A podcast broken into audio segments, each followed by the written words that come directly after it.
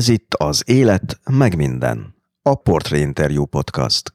Gondolatok, életstratégiák és világfolyamatok a mindennapi káoszon túl.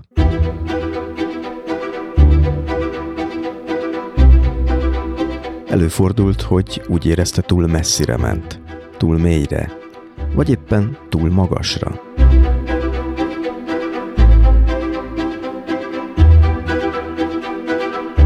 ezt mantráztam magamnak, hogy otthon van a gyereked, otthon van a családod, a francnak szálltál fel erre a hülye repülőgépre, ugye lezolnunk a francba, és hogy igazából, tehát megéri a dolog.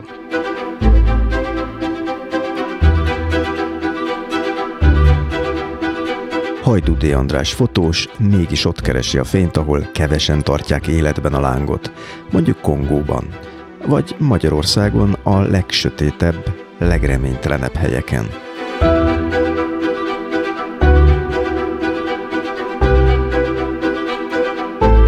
Vannak emberek, akik, akik ezt így viszik ezt a lángot. Úgy szoktam egy kollégámmal ezt mondani, hogy vannak emberek, akik világítanak a sötétben. Tehát, hogy, hogy igazából meg lehet ezt a fákját, vagy bármit fogni néha, és egy picit így továbbadni, mert semmiben nem kerül, viszont eszméletlenül sokat tudsz felsegíteni.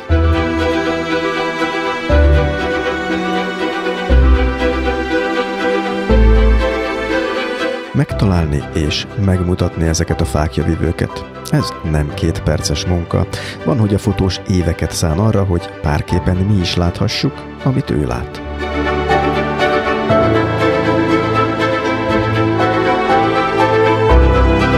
Így tud egy anyag igazán kiforni, hogy, hogy amikor te ismered már az egész történet, akkor nem belefásulsz, vagy beleunsz, hanem egyszerűen az van, hogy amikor odafordulsz mondjuk a töltés fel, és azt mondod, hogy most.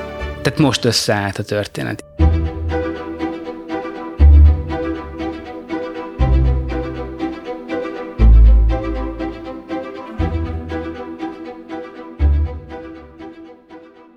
Kedves hallgatók, ez itt az Élet meg minden podcast 28. adása. Én Tóth Szavas Töhötön vagyok, ebben az epizódban pedig Hajdudé András fotográfussal beszélgetek egy Afrikában gyógyító magyar orvosról, fényről és a sötétség mélyéről, valamint történetekről, amelyeknek van, és amelyeknek nincs happy endje. De még mielőtt tovább mennénk, egy rövid emlékeztető. Te is tehetsz azért, hogy az Élet meg minden podcast még sokáig legyen. Sőt, hogy esetleg majd gyakrabban jelentkezzen új epizóddal. A podcastot ugyanis támogathatod a Patreonon. Ennek módját megtudhatod, ha ellátogatsz a műsor weboldalára, amelynek címe az életmegminden.hu. Természetesen ékezetek nélkül, tehát még egyszer az életmegminden.hu. Az oldalon egyébként az egyes epizódokhoz bőséges háttéranyagot is találsz, például linkeket az adásokban elhangzott cikkekhez, könyvekhez, filmekhez. De ez még nem minden, az említett weboldalon feliratkozhatsz a podcast hírlevelére is, ez pedig a Stósz, ami szintén teljesen ingyenes. A hírlevelet két hetente küldöm ki, és benne azokat a cikkeket, filmeket, podcastokat ajánlom, amelyekre éppen ráakadtam vagy rákattantam. Tehát a műsor weblapjának címe még egyszer az életmegminden.hu.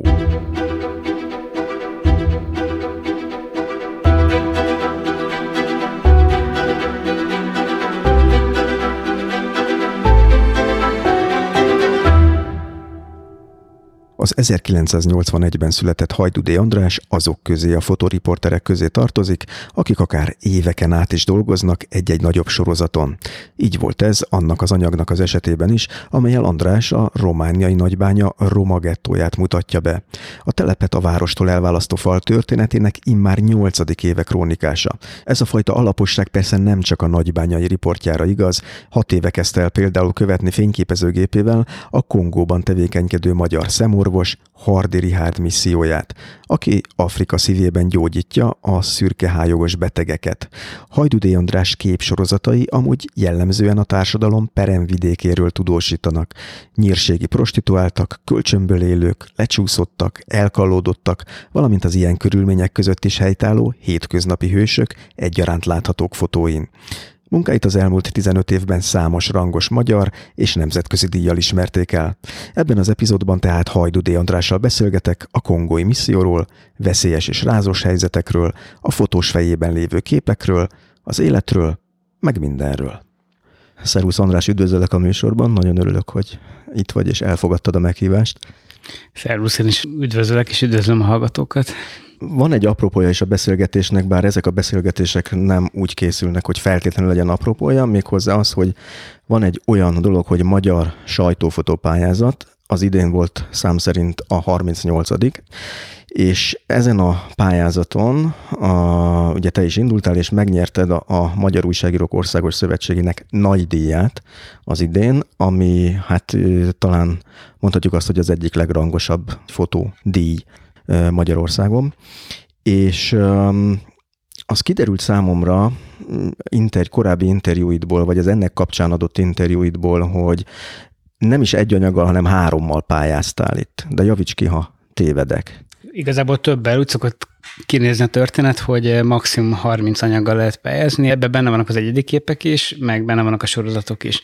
És egyébként én nagyon kevés anyaggal, tehát relatíve nagyon kevés anyaggal pályáztam, szám szerint hattal, amikor én az Oregonnál voltam, tudom én 6-7 évvel ezelőtt még, akkor az teljesen normálisnak számított, hogy ilyen 20 körüli pályázatot adok le, mert hogy az ember, ha napi szinten küldik és dolgozik, akkor a legfontosabb napi eseményeken ott van az évben, és igazából olyan fotoriporter kollega is van, akiről tudom, hogy igazából kilódik, hogy a 30 pályázatba beleférjen, mert hogy mert nagyon sok, nagyon produktív. Aha. Aha. Minden esetre azt el kell itt mondanom rögtön az elején a hallgatóknak, hogy eléggé nehéz követni az, hogy te mikor és mit nyertél, mert majdnem minden évben volt valamiféle elég rangos díj, amit megkaptál. De az idén a, ugye a MUOSZ-nak a, a nagy díját nyerted el egy sorozatoddal, ami a nagybányai cigánytelepről, nyomortelepről szólt. De emellett én legalábbis kettőt írtam itt ki, amit biztos, hogy beadtál ezek szerint, ez benne volt a hatba. Az egyik a Szofi élete című anyagod, amiben egy cigány kislánynak az életét követed végig a, a születésétől fogva. Tehát erről majd beszélünk szerintem, nagyon izgalmas a, a maga a koncepció is. És a másik, itt a nagybányai anyag mellett, egy kongói anyag, egy Kongóban játszódó történet, és azért mondom csak ezt, mert egy interjútban említetted, hogy te titkon remélted azt, hogy, hogy ez az anyag fog befutni, hát nem ez futott be, és az, hogy miért remélted, erre rá fog kérdezni, de szerintem az lenne a legjobb, hogyha elkezdenénk arról beszélni, hogy mi ez a kongói anyag, mert úgy tudják majd a hallgatók elhelyezni a, a válaszodat, hogy miért reménykedtél benne, úgyhogy megkérdezem, hogy mi ez a történet, mi ez a kongói történet, ami, amit te már évek óta fotózol. Ugye szem szerint öt éve kerültem bármilyen kapcsolatba is ez a kongói történettel. Ugye az alaptörténet az, hogy van egy eh, magyar szemorvos, aki dr. Hardi Richardnak hívnak, aki hát most 25. éve, hogy kint dolgozik Kongóban. Ez egy, ez egy misszió részéről, ő felismerte, hogy ott a, a munkára szükség van, és kiköltözött a Kongói Demokratikus Köztársaságba, és hát igazából ott van egy, egy ilyen Budapest méretű, azt nehéz mondani, de lélekszámú vagy közel akkor a város Buzsimájának hívják, ahol ő, ahol ő lakik, és ahol most már van egy klinikája, egy személyzeti klinikája, amit így szépen lassan a évek során sikerült felépíteni. Ennek is van egy izgalmas története, majd akkor erről is beszéljünk.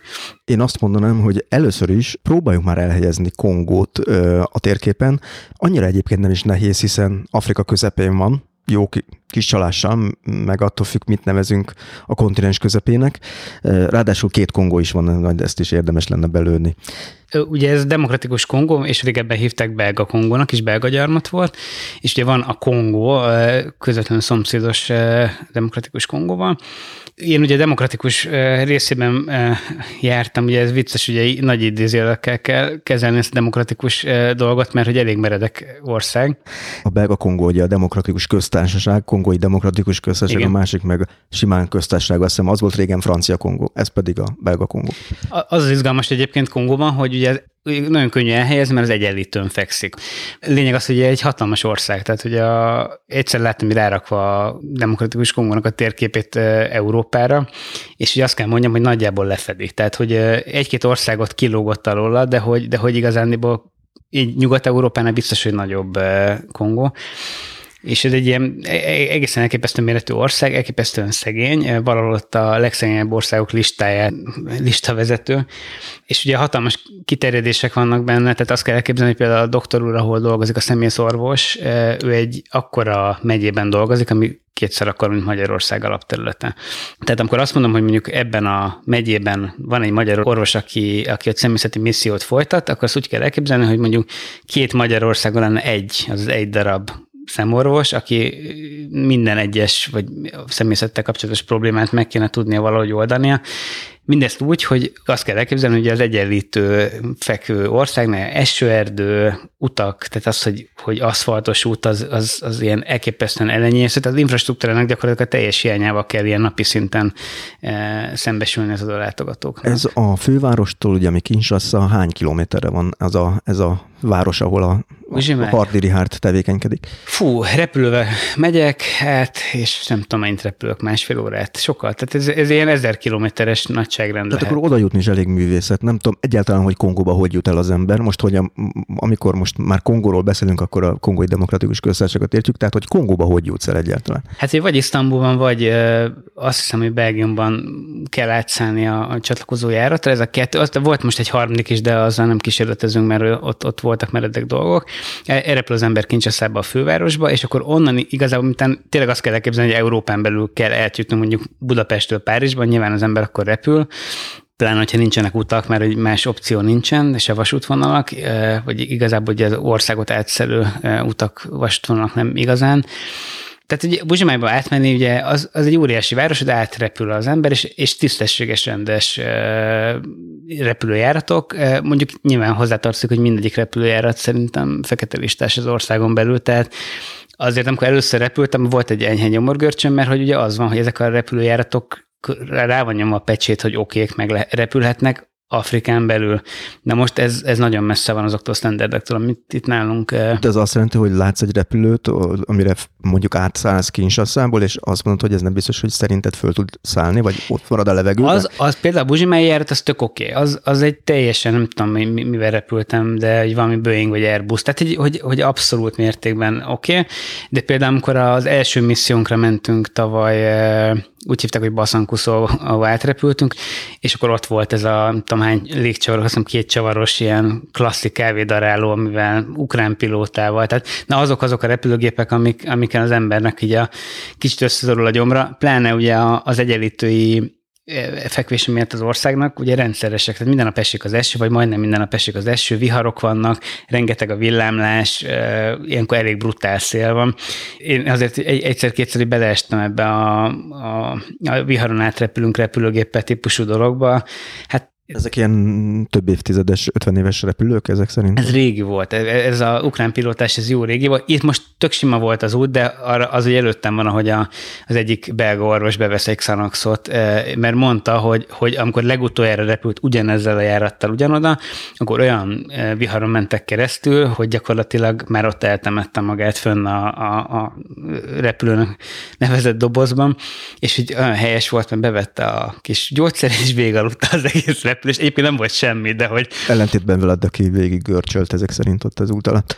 E, azért izgalmas, na izgalmas. Ugye azt kell elképzelni, hogy, amit mondtam, a szegénység miatt, meg a, a elképesztő méretű korrupció, meg a, a problémák miatt igazából soha nem tudja az ember azt, hogy mikor spórolnak ki valamit, amit nem kellett volna kisporolni. Tehát egy gyors átkötés, a doktor mesélt egy remek sztorit nekem arról annó, amikor amikor át kellett volna menni a kocsijával egy kompal a folyó egyik partjára a másikra, és ő előre kifizette az embereknek, hogy vegyék meg a gázolajat a izében, de soha nem jutott el a gázolaj a komba, és a folyó közepén feladta a szolgáltat a motor, és akkor ott lehorgonyoztak, és akkor ment valaki úszva a üzével, üzemanyagos kannával. Nyilván újra ki kell fizetni a, a üzemanyagárat, mert hiszen ezt már elitták valahol, de hogy ezek benne vannak. Most egy kompon, ez nem annyira para.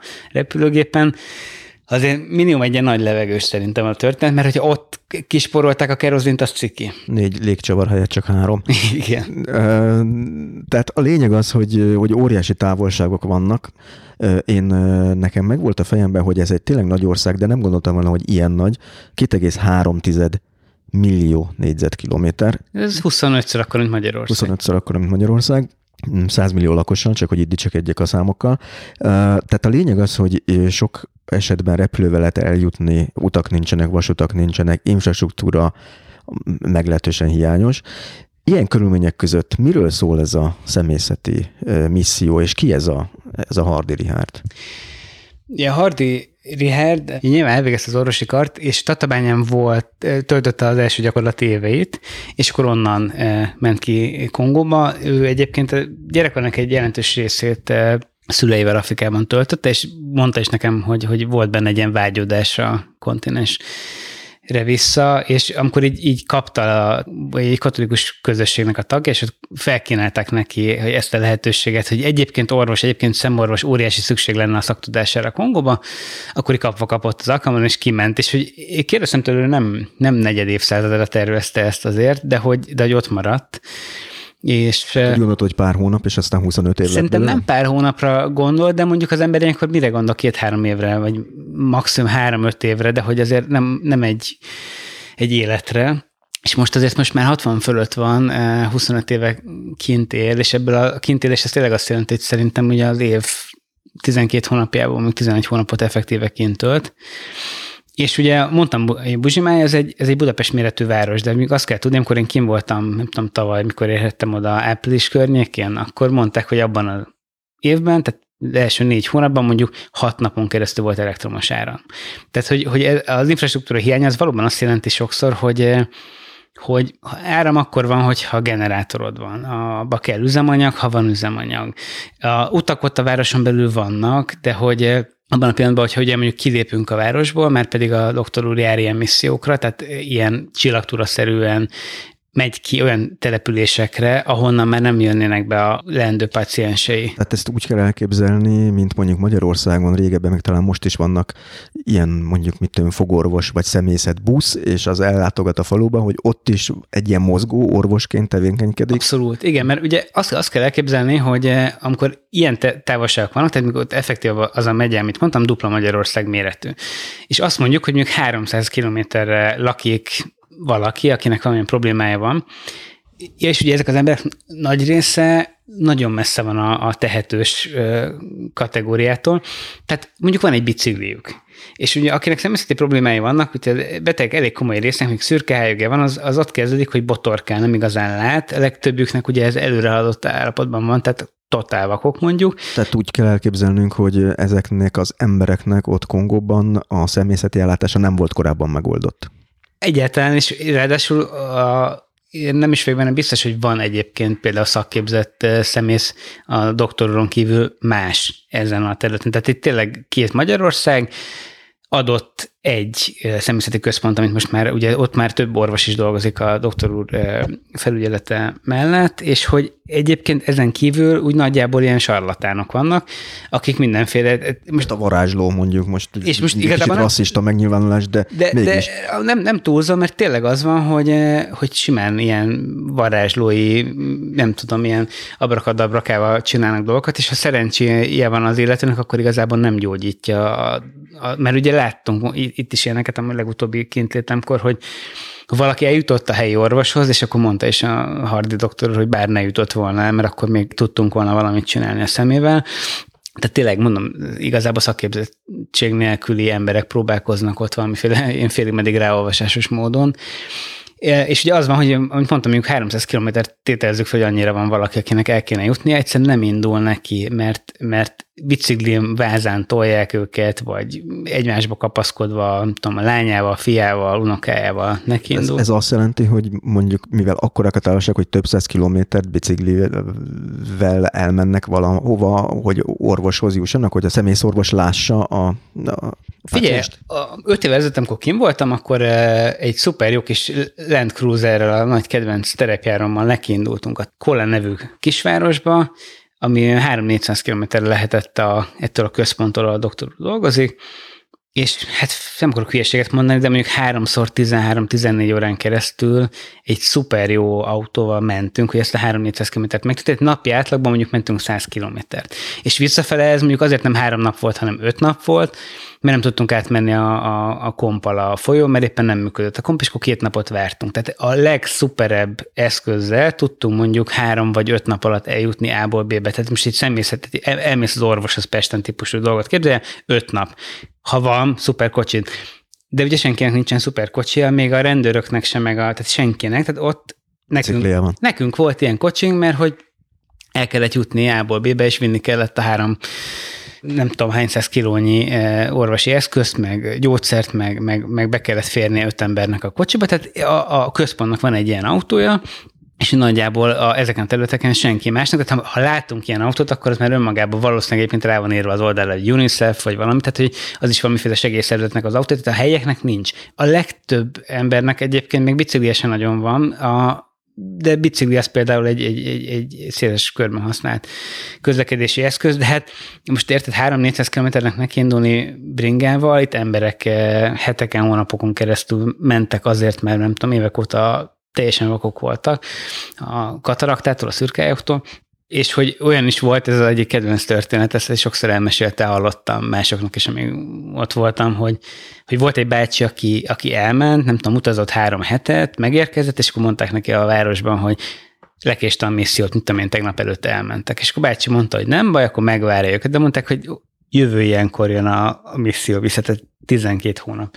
És mondta, ő aztán vissza nem megy most három-négy héten keresztül ugyanelőre, és megvárt, tehát ott konkrétan kapott valami kis izé, kunyhót, kapott valami kaját, a, ilyen kicsit ilyen megsegítésből, és megvárta, és azt mondta egyébként a, do, a Hardy doktor, és ezzel jó, jót derültem, hogy hát Istennek egyrészt, hogy visszamentek, mert ezek szoktak változni a destinációk, Kettő, hogy hál' Istennek tudott rajta segíteni, mert elég sok olyan történetet láttam én magam is, amikor itt több száz embert vizsgálnak és műtenek utána, hogy vannak abszolút műthetetlen esetek, vagy olyan szürkáig, ami mondjuk már nem tudom, főleg gyerekek nem, akkor nagyon hamar kifejlődik, és nem, egyszerűen nem tanul meg látni az agy, hogy nem menthető. Tehát valami lehet, hogy lesz, valami fényérzékelés, vagy...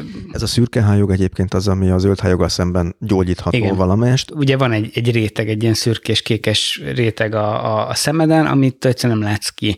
És hogy ez, ha nagyon elterjed rajta, akkor, akkor teljesen meg is tud vakítani, és ugye az van, hogy éppen 15 perc alatt, effektívan műtét, 15 perc, előtte nyilván van egy altatási, vagy érzéstelenítési rész, gyerekeknél altatnak, de ugye ez kb. tényleg egy, egy komplet műtét, azzal, hogy valaki befekszik, meg beöltöztetik, meg kap egy inekciót, aztán beviszik, azt szerintem egy ilyen 40 perc, másnap visszajön, vagy harmadik, nem is emlékszem, talán másnap szoktak visszajönni egy kontrollra, megnézik, és a este 98%-ában, ha nem fertőződik el valami, vagy nincs komplikáció, ott, ott ennyi volt, tehát hogy a évek vaksága után 40 perc, és...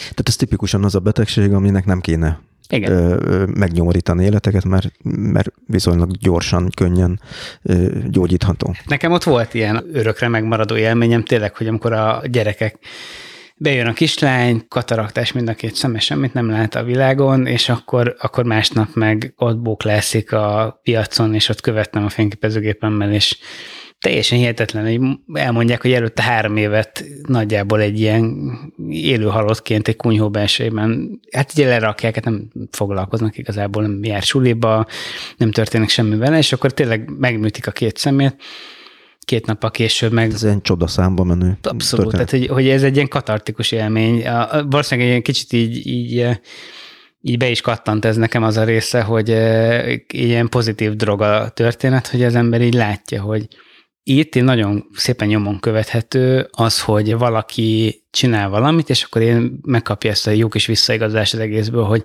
hogy értelme van annak, amit csinál. Hát, egy dolgot tényleg így muszáj így még hozzátenni, ami bennem maradt, hogy ez kb. 5 évvel ezelőtt volt, hogy, hogy én elfáradtam azért három hétig vagy négy hétig toltam ezt a napi 12 órában fotózást, és hogy egy kicsit csaltam volna. Tehát, hogy mert tudtam, hogy nagyjából meg az anyagommal, és meg, meg nincs kedved felkelni feltétlenül hatkor, meg nincs kedved feltétlenül ott maradni tíz órán keresztül a kórházban, ahol a műtétek zajlanak, és hogy és hogy egy kicsit tényleg csaltam volna, hogy, hogy nem kell ezt ennyire komolyan venni, mert hogy tényleg hullafárasztó az egész.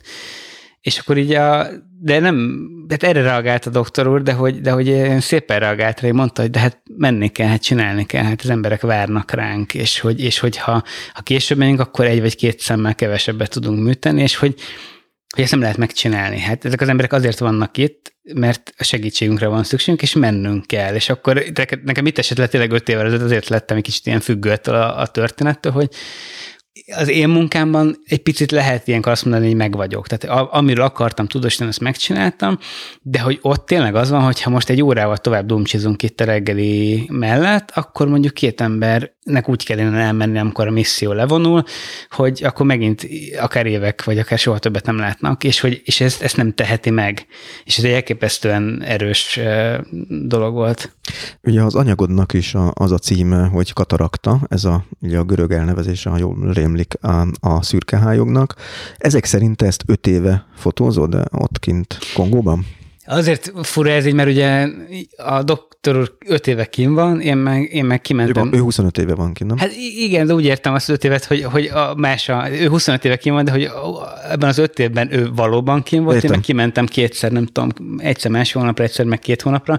Tehát az öt éve fotózás az olyan szempontból költői túlzás, hogy, hogy ott töltött időm az mondjuk kicsit kevesebb, mint négy hónap, amikor az is szerintem abból a szempontból, hogy mennyi időt szoktak a, kapni átlag helyzetben a fotósok ahhoz képest kimagaslóan sok, de hogy de hogy olyan értem, 5 éve fotózom, igen, hogy 2014-ben voltam kint először, és most 2019-ben voltam másodjára.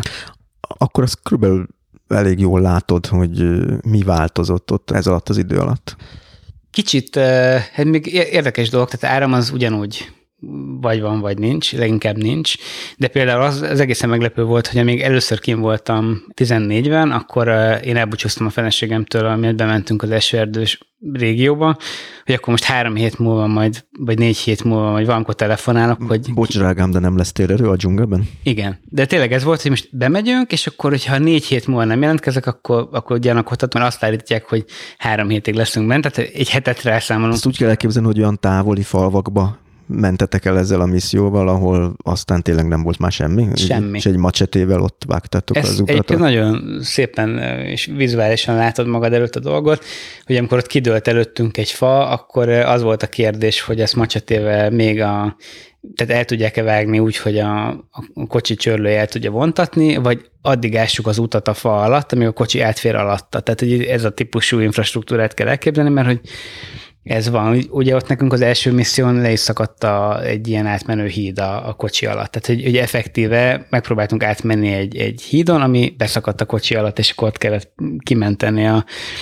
Beleestetek a vízbe, vagy ez? Nem, ott csüngött róla, van nagyon szép képem a, a, erről. A kocsi az csüng a híd fölött, mert az, az megroppant, oldalára billent a kocsi, és felakadt a, az ablak keretén a, egy, ilyen, egy ilyen bambuszrúd megtartotta, és ott csüngött a, a kocsi ez izgi volt. Ezeket a képeket a feleségednek megmutatod utána? Ez még videón is megvan, mert hogy az van, hogy én annyira, tehát hogy mondjam, én nem feltétlenül vagyok teljesen irreális személyiség, és megnéztem a időt, és akkor mondtam, hogy ez tök jó, meg minden, én kiveszem a Winchestereimet, a fotós táskámat, meg magamat a kocsiból, aztán én inkább felveszem videóra azt, hogy ez az átkelés hogy történik, és egyébként videó megvan, kicsit a hangot szerkeszteni kellett, mert hogy amiket mondtam alatta, az, azt nem lehetett a felvétel alatt hagyni, mert teljes embeteg helyzet az, amikor az ember a semmi közepén így elveszíti a, az autóját.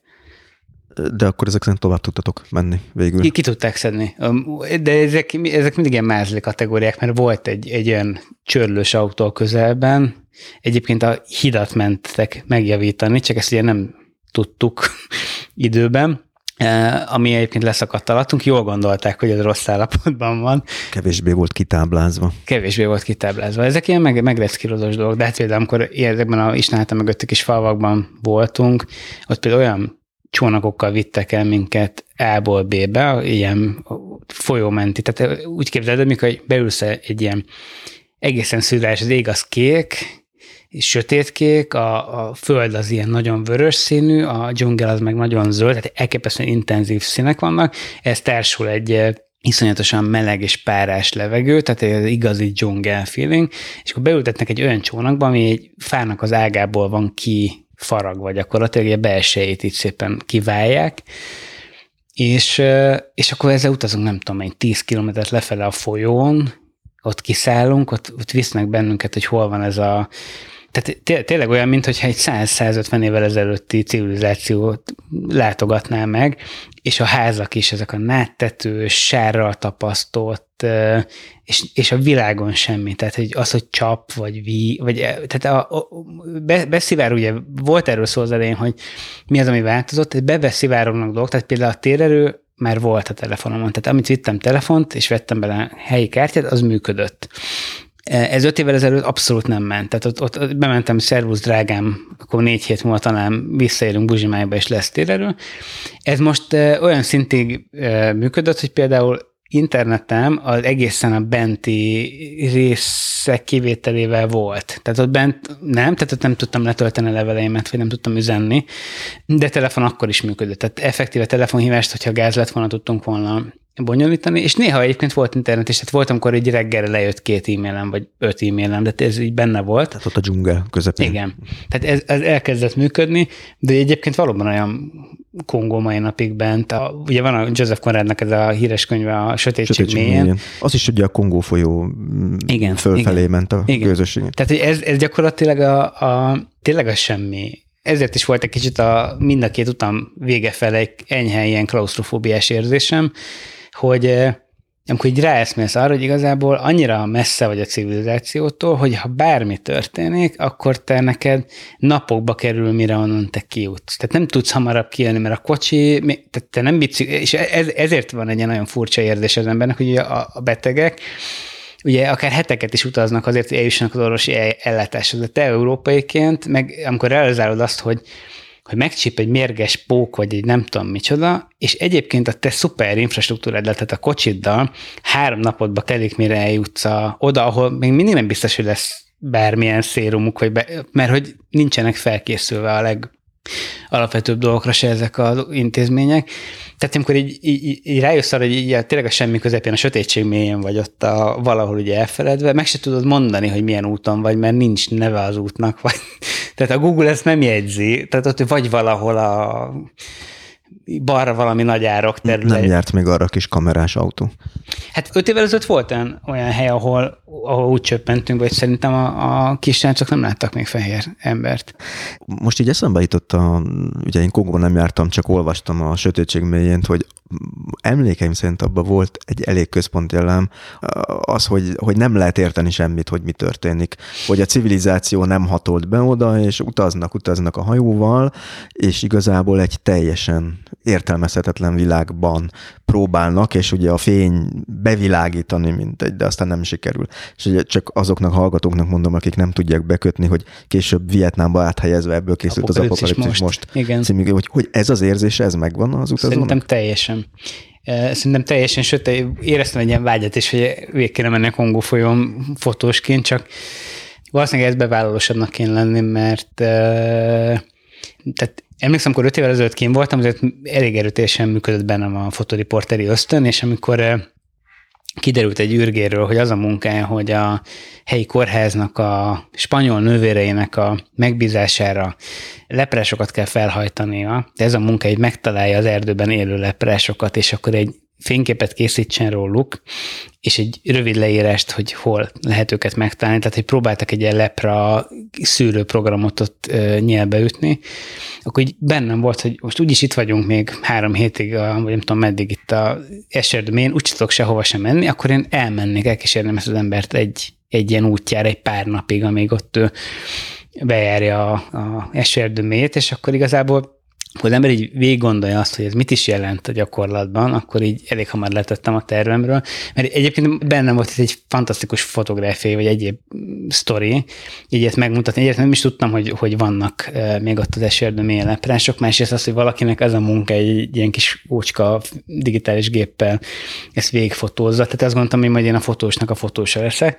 És akkor én egyszerű kérdések jöttek föl, hogy oké, okay, és mit fog inni? Mert ugye meleg van, 3-4 liter víz naponta, elmegyek megyek 5-6 napra, 20-30 liter víz.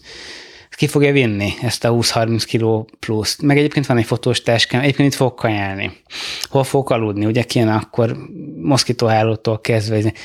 Egyébként miért gondolom, hogy nem esz meg egy pitona, nem tudom, vagy borulunk be a, a, a izébe, és akkor kiderül az, hogy igazából ezt úgy lehetne csinálni, hogyha egy konkrétan így szerveznék magamnak egy ilyen Expedíció. expedíciót, mert hogy ez nem úgy működik, hogy te mész négy-öt napra a helyi lepravadásszal, mert nem is tudom, a doktor úr, hogy tud ennyire laza lenni ebbe az egészbe. Bele lehet lazulni, de mondom a végén nekem egy ilyen echte klaustrofóbiás érzésem volt, a bele zárva egy szekrénybe, hogy nem nagyon van ott mozgása lehetőség. Ott vagyunk, és akkor ez van, és hogy ez, ez vesz körül, és hogy most ne törjük el a lábunkat, meg most ne csináljunk hülyeséget, mert hogy, mert hogy itt, itt nem úgy van, mint nem tudom, Európában, hogy kiabálsz, és ilyen... Nem, nem pont kiszámítható Igen. a világ. De Kongó egyébként sem egyszerű ország, mert ahogy olvastam, például pár éve, ugye nem csak ez a Covid járvány, említetted, hogy az most beütött ott is, de hogy az ebolának az egyik gócpontja volt, ez az egyik, a másik pedig az, hogy friss hírekben lehet látni, hogy most ismét több százezer ember menekül az ország keleti részéből, mert hát polgárháborús helyzetek vannak, tehát egy elég összetett viszonyrendszer ország, hogy ez mennyire érintette a ti munkátokat? Az enyém gyakorlatilag sem mennyire. Öt éve, amikor kiérkeztem, akkor még ijesztő volt látni, hogy ki vannak az ebola elkülönítő sátrak ott a reptéren, mert hogy eh, akkor csengett le éppen. Ugye még a kérdés is volt, hogy ki tudok-e menni. Azt néztük, hogy ugye a e- e- ebolával mi a helyzet a polgárháborús rész az annyiból érdekes, hogy lehet, hogy a doktor úr az elbagatelizálja a dolgokat, mert hogy ő, ő volt most gomában. Úgy számolt be róla, hogy fantasztikus hely, és kicsit sajnálja, nem oda tette Ez a keleti részen van? Igen, a, igen, ahol, abszolút ahol most az epicentrum offenzíva zajlik a kormányzat igen. részéről. Igen, hát ott van minden, a, gyakorlatilag az ebola is abban a régióban terjed.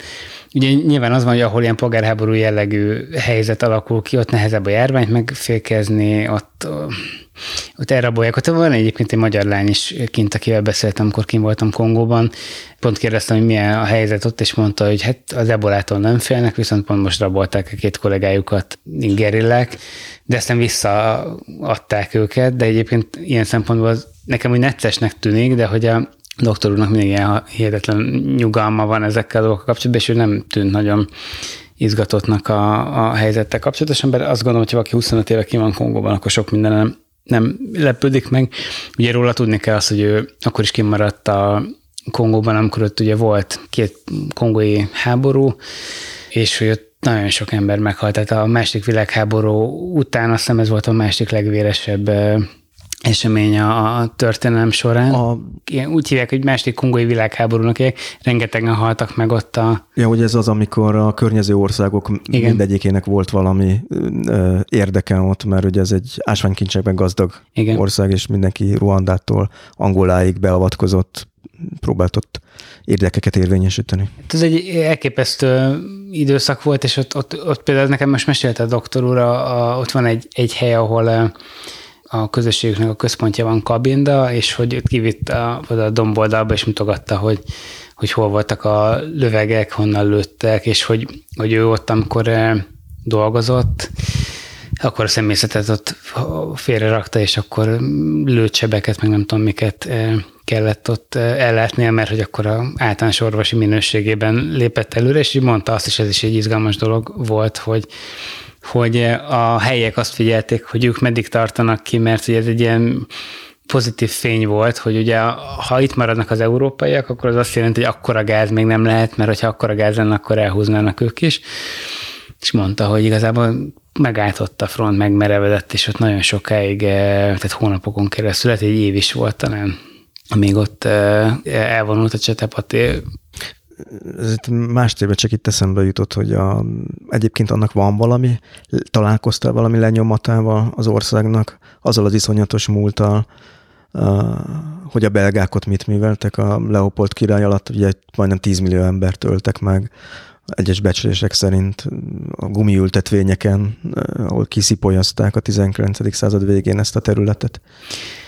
Egyetlen egy dologgal találkoztam amíg ott voltam, ami ennek a lenyomata volt, az az, az volt, hogy egy napra elmentem a gyémántbányászatot fotózni, és akkor ott kivittek a pusztába, ahol ilyen 30 méteres gödröket ástak a, a gyémántbányászok a földbe, ott lemásztak, ott nem volt kitámasztva sem. A járat aztán vagy beszakadt, vagy nem. Egészen elképesztő volt.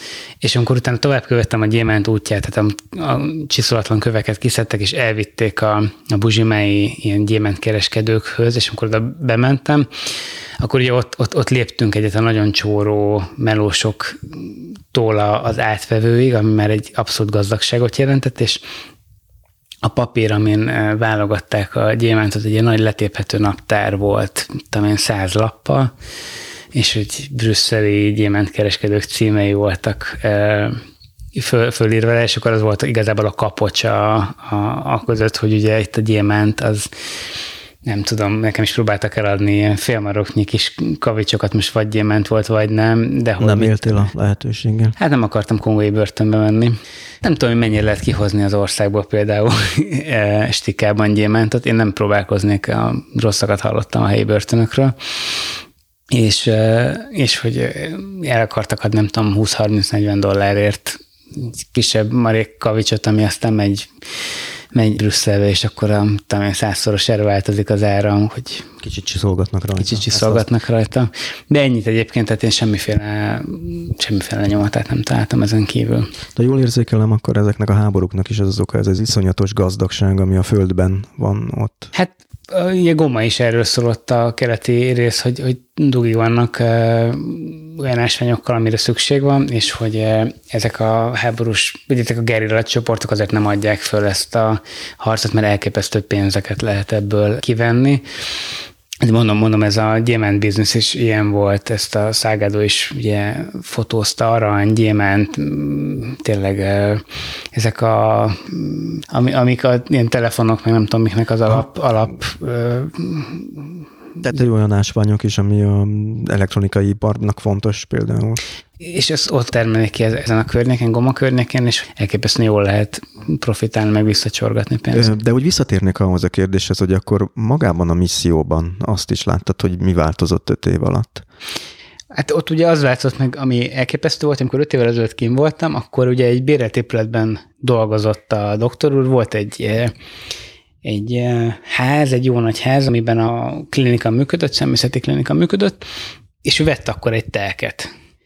A, amikor kim voltam, egyébként ki is vitt a telekre, megmutatta, volt egy nagy telek, tök üres volt, néhány karó le volt verve. Ez ebben az városban van, ami 500 kilométerre van a fővárostól? Ez a Buzsimájban, igen, ebben a Budapest méretű városban. És akkor ott nézegettem, hogy jó, volt itt vannak karók, meg madzagok, és akkor mutogatta, hogy itt ilyen blokk fog felépülni, ott olyan blokk fog felépülni, és akkor kérdeztem, hogy mennyibe kerül, mert így elképzelésem sem volt, és akkor mondott egy számot, most nem akarok hülyeséget mondani, de mondjuk azt mondta, hogy hát olyan 4 és 600 millió forint környékén lehet a dolog.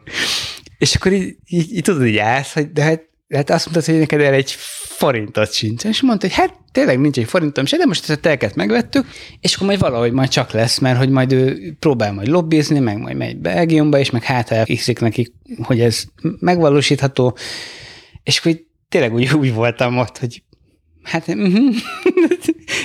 hát ez amikor azt mondjuk, hogy merjünk, merjünk nagyot álmodni, tudod, hát mondom, jó, hát akkor biztos, és hogy ezt így nehéz elhinni, hogy ez amikor semmire az ember így, ez a abszolút a ilyen póker arc kell hozzá, hogy az ember így nagyjából akkor ebből mint hogyha tényleg egy Royal Flush lenne a kezében, hogy hát semmi nincs, de tényleg semmi nincs, és te Royal Flush-re kezdesz el És az történt, hogy amikor én most visszamentem, akkor utána derült ki, amikor már megvolt az, hogy mikor érkezem, és hogy ő speciál egyébként már felépítette a, a kórháznak a, hát kicsit kevesebb, mint a felét, de hogy ennek a... Az öt év alatt. Az öt év alatt.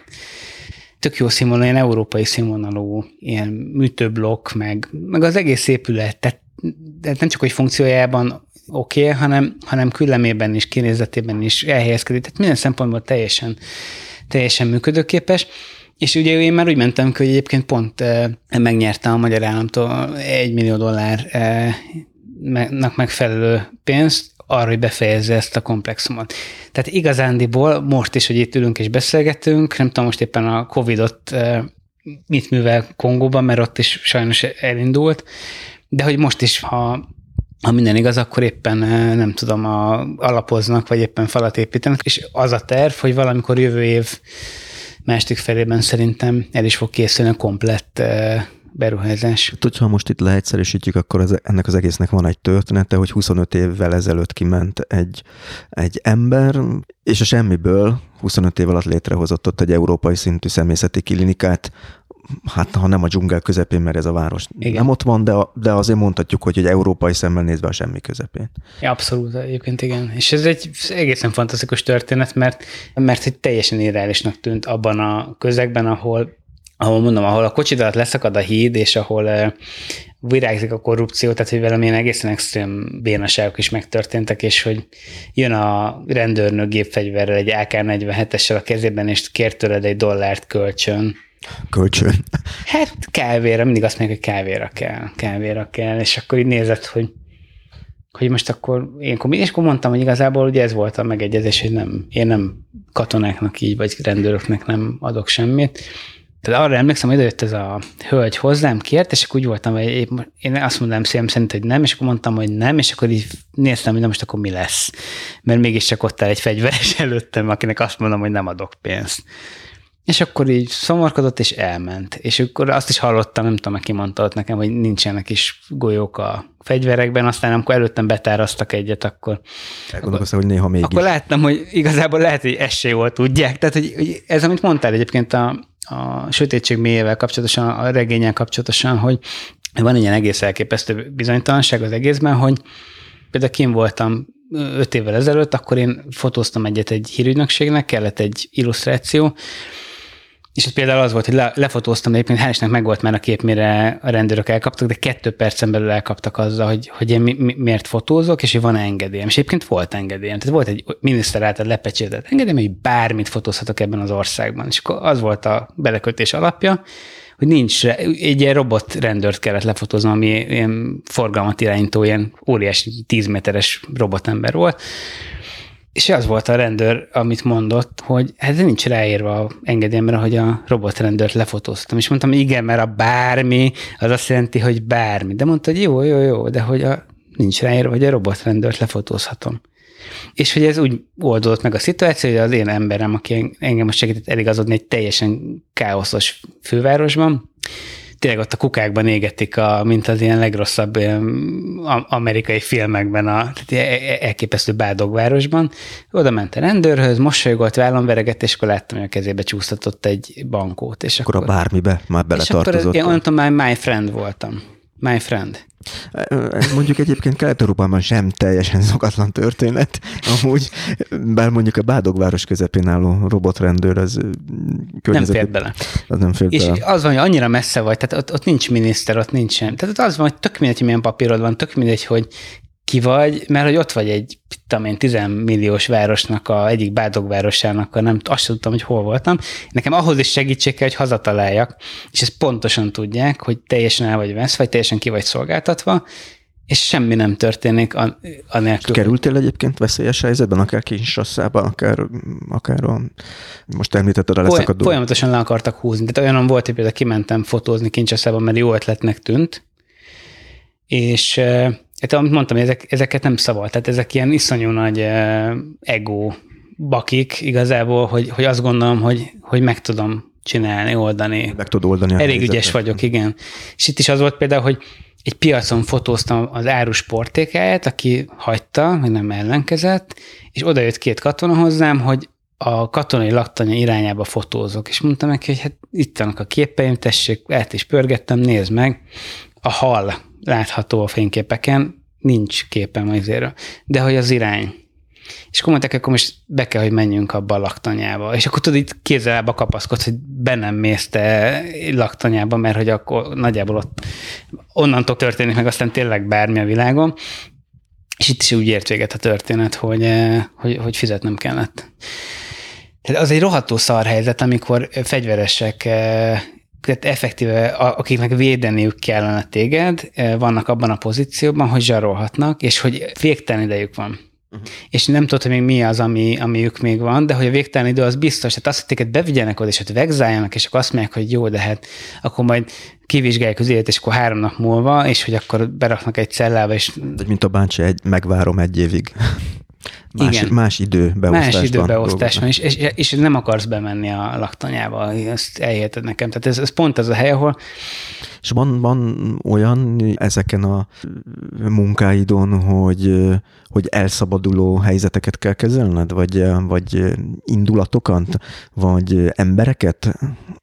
Ugye azt képzeld el, hogy mondjuk eh, ott voltam mert ezen a kis faluban egyébként, város volt egyébként, de olyan volt, mint egy falu lett volna, egy 30 ezeres városka volt.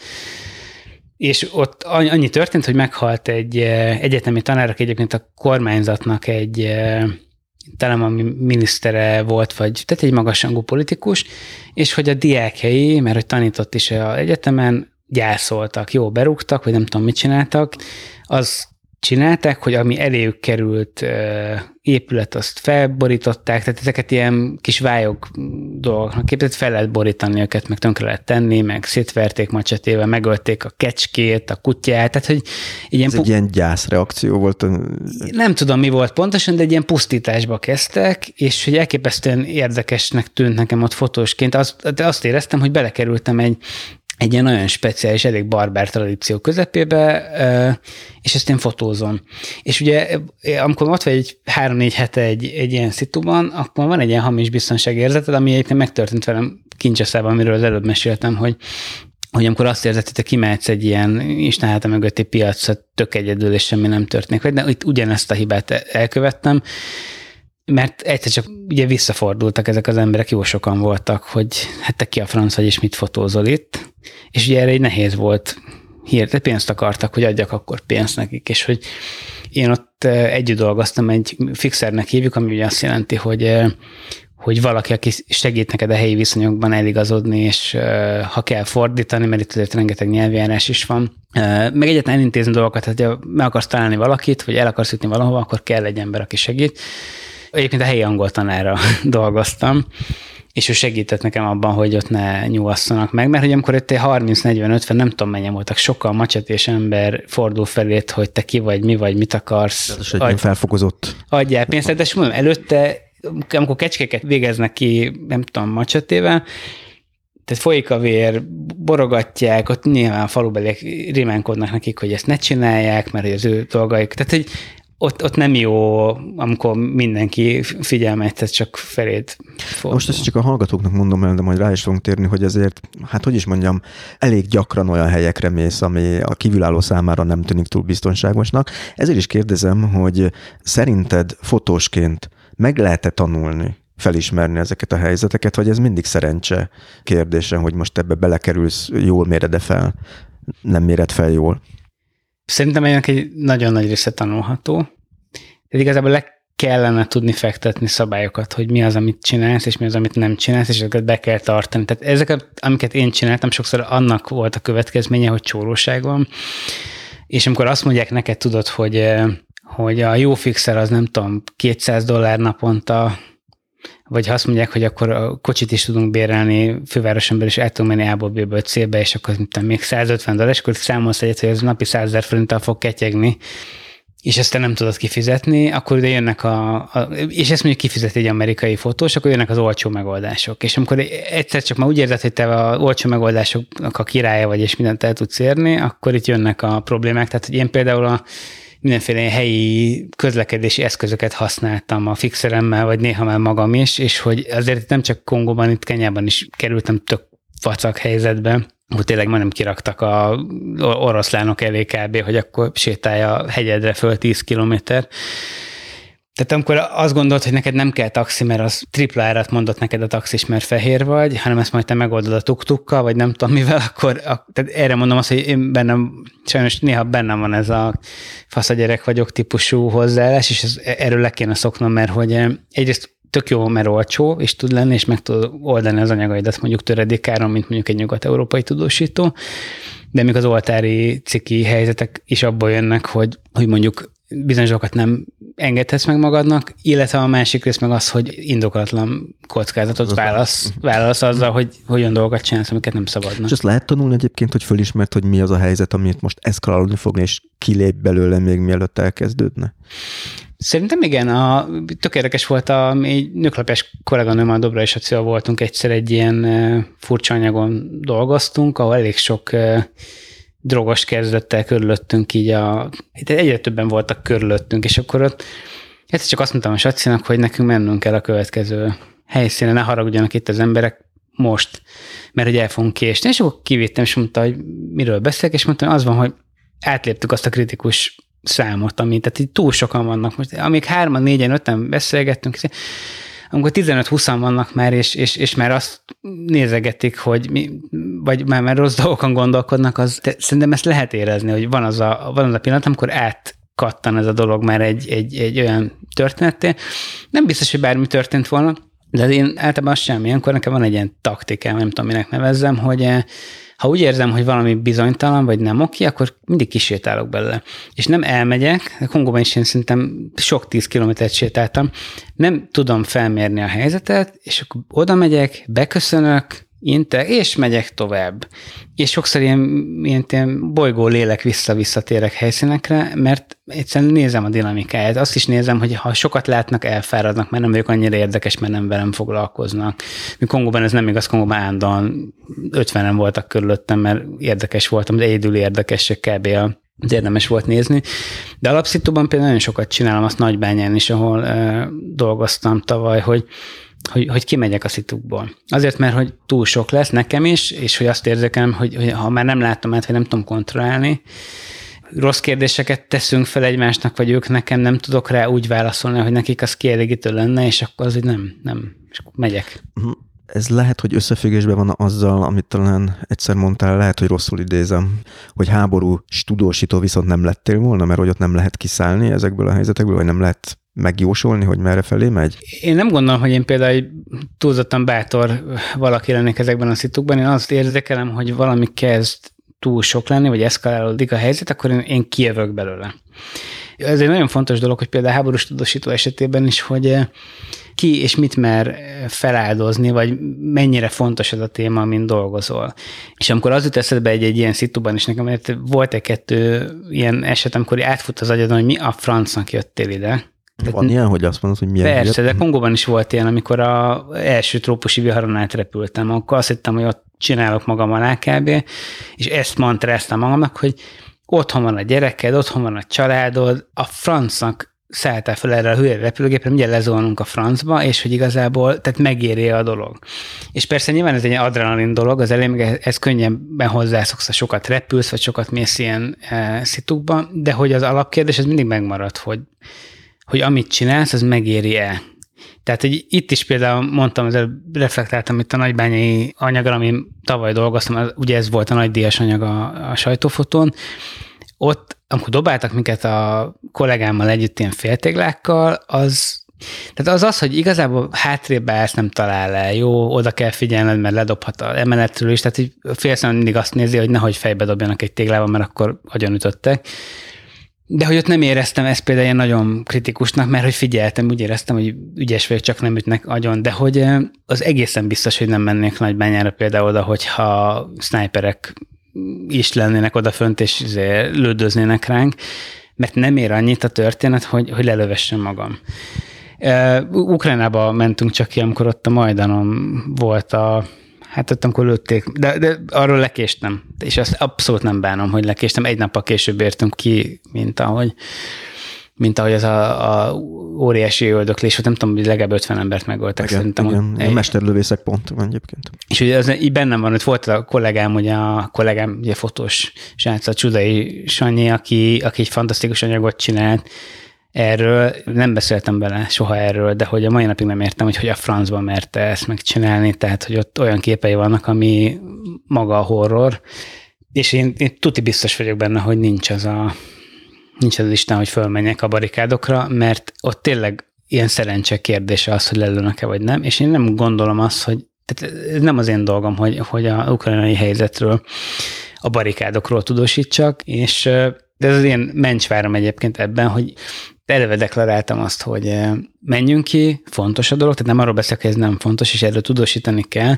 de hogy ezt meg lehet számtalan olyan módon fotózni vagy írni, hogy ahhoz nem kell fölmenned a barikádokra. És van, aki fölmegy, és azt gondolja, hogy nyilván a, a legkeményebb és az eszenciáját a háborús létnek azt onnan tudod elhozni, de hogy nem biztos, hogy hogy például így, úgy, így kurens példát mondjak, nem biztos, hogy a COVID helyzetet csak a Szent László kórháznak a, a covidos osztályról tudod elhozni, mert egészen biztos vagyok benne, hogy legalább 50 olyan aspektusa van ennek az egész hülye járványügyi helyzetnek, amelyel talán jobban is tudod jellemezni az egészet, mint ott azon az osztálya.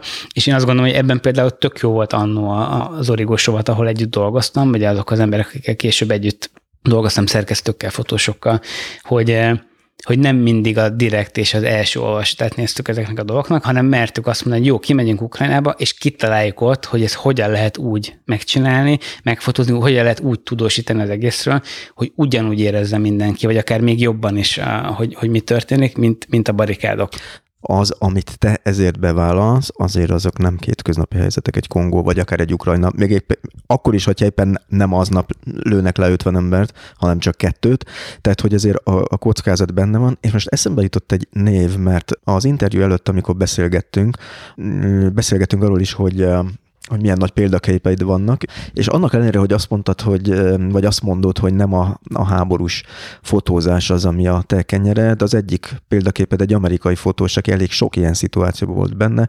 Itt úgy hívják, hogy ha jól mondom, James Nachtway, uh-huh. a N-A-C-H-T W, és itt a trükk E, Y, nem A, Y.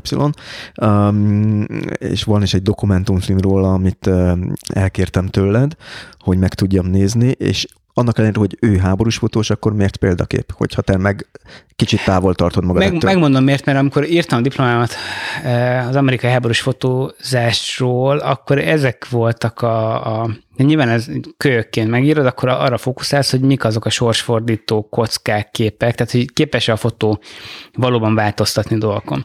És ami tök izgalmas, eh, fú, és akkor egy jó kis önmarketinges húzásra tudok a saját anyagomról is mesélni. Én azt gondolom például, hogy a kongói anyagom erre képes volt. Tehát képes volt arra, hogy segítsen abban, hogy létrejön egy elképesztően jó dolog. És ez egy kézzelfogható, megmutatható létrejövő dolog. Az, hogy ez meddig fog tartani, vagy hogy mennyire hosszú távú, az egy örök kérdés, ezt nem tudod, de hogy, hogy igenis be tudsz jó értelemben avatkozni, meg rossz értelemben is a, a történelem folyásába. És nekem azért egy elképesztően izgalmas az a helyzet, ahol például Nektfé van, mert hogy ő a vezető, világvezető lapénak dolgozik, és mindig ilyen kurens, abszolút fontos. Tehát itt a menekült válságtól kezdve meglepődnék, ha most nem Covidot fotózni éppen valahol New Yorkban. Meg sem néztem, de meg, meg hazamegyek, megnézem. Tehát az lenne a csoda, ha nem ezt csinálná pedig most már bőven veszélyeztetett korosztálynak számít ő is. És azt gondolom, hogy, hogy bizonyos esetekben egyszerűen nélkülözhetetlen az, amit csinál, és amit én nagyon szeretek benne, az nem is feltétlenül, jó, oké, tökéletesen komponál, elképesztő elhivatottsága, mint egy robot megy előre. Tehát ő az elmúlt 40 évnek az összes konfliktusát, majdnem ami, amiről tudunk itt Európában benne volt, tehát Ruandától kezdve Bosznián keresztül Koszovóig rengeteg ilyen konfliktuszónából tudósított a képeiben. Honlapján van vagy 20 ilyen menüpont annak a szerintem kétharmada a konfliktuszóna. Dél-Afrikától kezdve tényleg nagyon sok felement.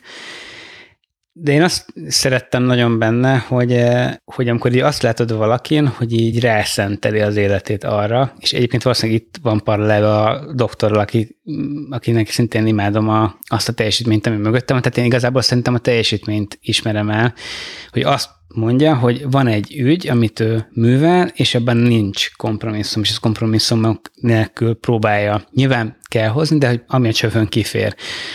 Pont kérdezhet, hogy tanulhatók-e dolgok ebből az egészből, és azt gondolom, hogy igenis tanulhatok, és például azt láttam az ő munkásságában, meg az ő egész viselkedésén, meg a, a hogy mások mondták már azt nekem, hogy ez egy nagyon kicsit ilyen mű, meg ilyen kitalált, meg, de hogy konkrétan felépítette azt, hogy hogyan öltözködik, tehát ilyen konszolidált kinézete van, kék farmer, fehér ing, ilyen kis decensen elválasztott haj, és egyszerűen az van, hogy a, ahhoz, hogy ezt ő a legmagasabb szinten tudja csinálni, ahhoz még a ő küllemének is működnie kell, mert ha például oda megy egy, egy gyászoló családhoz Boszniában, egy méteren belül fotózza a temetés pillanatait, akkor egyszerűen nem teheti meg azt, hogy most elnézést kérek minden hosszúhajú, oldalzsebes, nadrágos, narancsárga pólós fotós kollégától, de hogy nem tűnhet ki. Ő ott a lehető legjobban el kell tűnnie, ő lassan mozog, relatíve lassan beszél.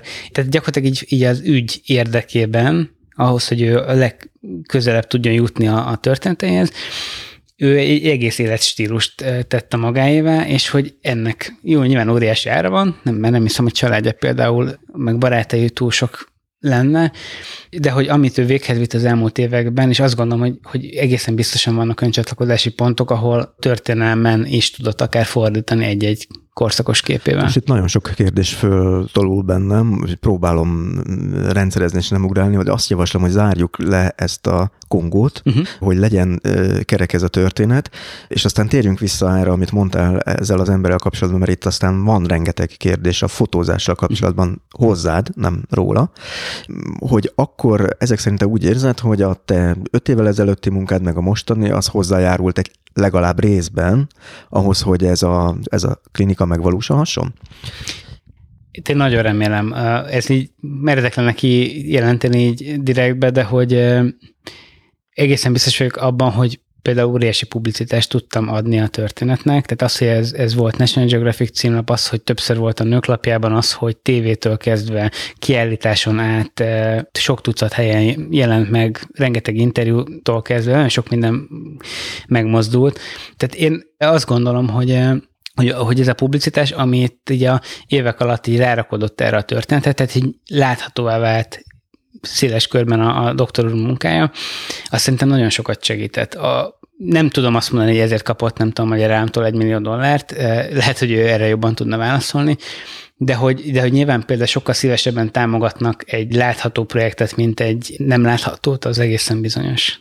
És neked hogy állt össze a fejedben? Talán említetted már, hogy eh, nagyon fontos ez a ez az elszállás, amit a doktor úrban is láttál, hogy tényleg ez a kulcsa egy ilyen projekt sikerének, hogy valaki mániákusan Figyelj, én szeretek ugrálni a témák között, rögtön ugrok egy harmadik témámra. A, ugye neki kezdtem négy évvel ezelőtt a Sofia Élete című munkának, ott azon kívül, hogy eh, nagyon régóta foglalkozok Magyarországi cigánysággal, és hogy, eh, és hogy fontosan van bennem egy hiányérzet, hogy egy sztorit el kéne mondani tisztességesen, tehát ugye maga komplexitásában, de hogy ezt nem lehet elmondani egy-egy napos ilyen odautazunk, aztán fotózunk, vagy írunk róla valami típusú módon. Az alaptörténet röviden összefoglalva annyi, hogy eh, születése előttől, tehát még az édesanyja hasában ban volt a kislány, amikor elkezdtem a család életét fotózni, és ez négy éve eltelt. Azóta megszületett, és és zajlanak a dolgok ott, a, a, ahol él, illetve szépen ő is most már óvodást növöget föl. De a lényeg a lényeg az, hogy ott is csak annyi volt, amit mondtam, hogy egyszerűen nem hiszem el, hogy ha minden évben csak egy hetet rászánnék arra, hogy ezt csináljam, akkor ebből egy elképesztő anyag jöhetne létre. És persze nem egy hetet szántam rá minden évben, hanem többet, de egyébként mindig ki lehet sajtolni egy kis plusz időt, egy, egy, egy kis lehetőséget, ezt azt ahhoz, hogy te, te tudjál rúgni mindig egyet egy anyagon, hogy ez menjen és az, az történjen. És igazából ez is egy ilyen elszállásból jött, hogy azt mondtam, hogy egyszer nem hiszem el, hogy nincs az életemben ennyi idő, hogy rászálljak egy ilyen. És, és az van, hogy igazából azt mondod valamire, hogy már pedig ezt megcsinálod, el lehet bukni, de hogy ezt a típusú elszántságot, amit mondtam például Hardi doktor úrnál, hogy azt mondta, hogy hát megvettük a telket, semennyi pénzünk nincs rá, hiányzik meg egy 4-5-600 millió forint, de hogy majd megoldjuk, majd csak lesz valahogy, és ezt lehet őrültségnek is nevezni, de hogy de hogy ebből lesznek a nagy dolgok, amikor azt mondja valaki, hogy hát csináljuk, nézzük meg, mi van, mi van benne. Hát ez a Sofia élete, amit itt említettél, és akkor lehet, hogy érdemes itt most tovább lépni a többi anyagodra. A, a Kongóval kapcsolatban ezt most itt egy kerek egésznek tekintjük. Igyekszem e, visszahozni. De vissza lehet hozni. Talán még annyit érdemes elmondani, hogy most dokumentumfilmet is forgattál róla, tehát hogy ez egy továbbra is élő projekt számodra. Hát én most én nem is fotózni voltam, hanem filmezni. Ennyi igazándiból, hogy, hogy ez egy ilyen kvázi melléktermék volt most a fotórész. A fotózás. A Sophie élete viszont, ahogy említett, ez is egy rendkívül projekt, tehát itt a születésétől, vagy a születés előttől követ végig egy cigány kislánynak a, az életét, és ezek szerint feltett szándékot, hogy egész felnőtt koráig kövesd a kameráddal? szuper jó lenne, ha meg tudnám csinálni. Nyilván nehéz, mert hogy bármikor mondhatják azt, hogy ennyi volt, és elég legyen, de azért lenne jó benne maradni az életében, és végnézni, hogy, hogy hogyan történnek a dolgok, mert én tényleg azt láttam, hogy amikor az elmúlt tízen évben nagyon sok cigánysággal kapcsolatos projektet fotóztam, és hogy mindig hiányérzetem van, mindig hiányérzetem van abból a szempontból, hogy, hogy ugye amikor nekiállunk egy ilyen témáról beszélgetni, akkor a laikusok azok általában mindig föltesznek három vagy négy kérdés, és igazából annyira komplexek ezek a válaszok, amiket tudnék ráadni, már bele se kezdek elmondani, mert, mert nem lehet azzal elintézni ilyen dolgot, hogy álljon el dolgozni.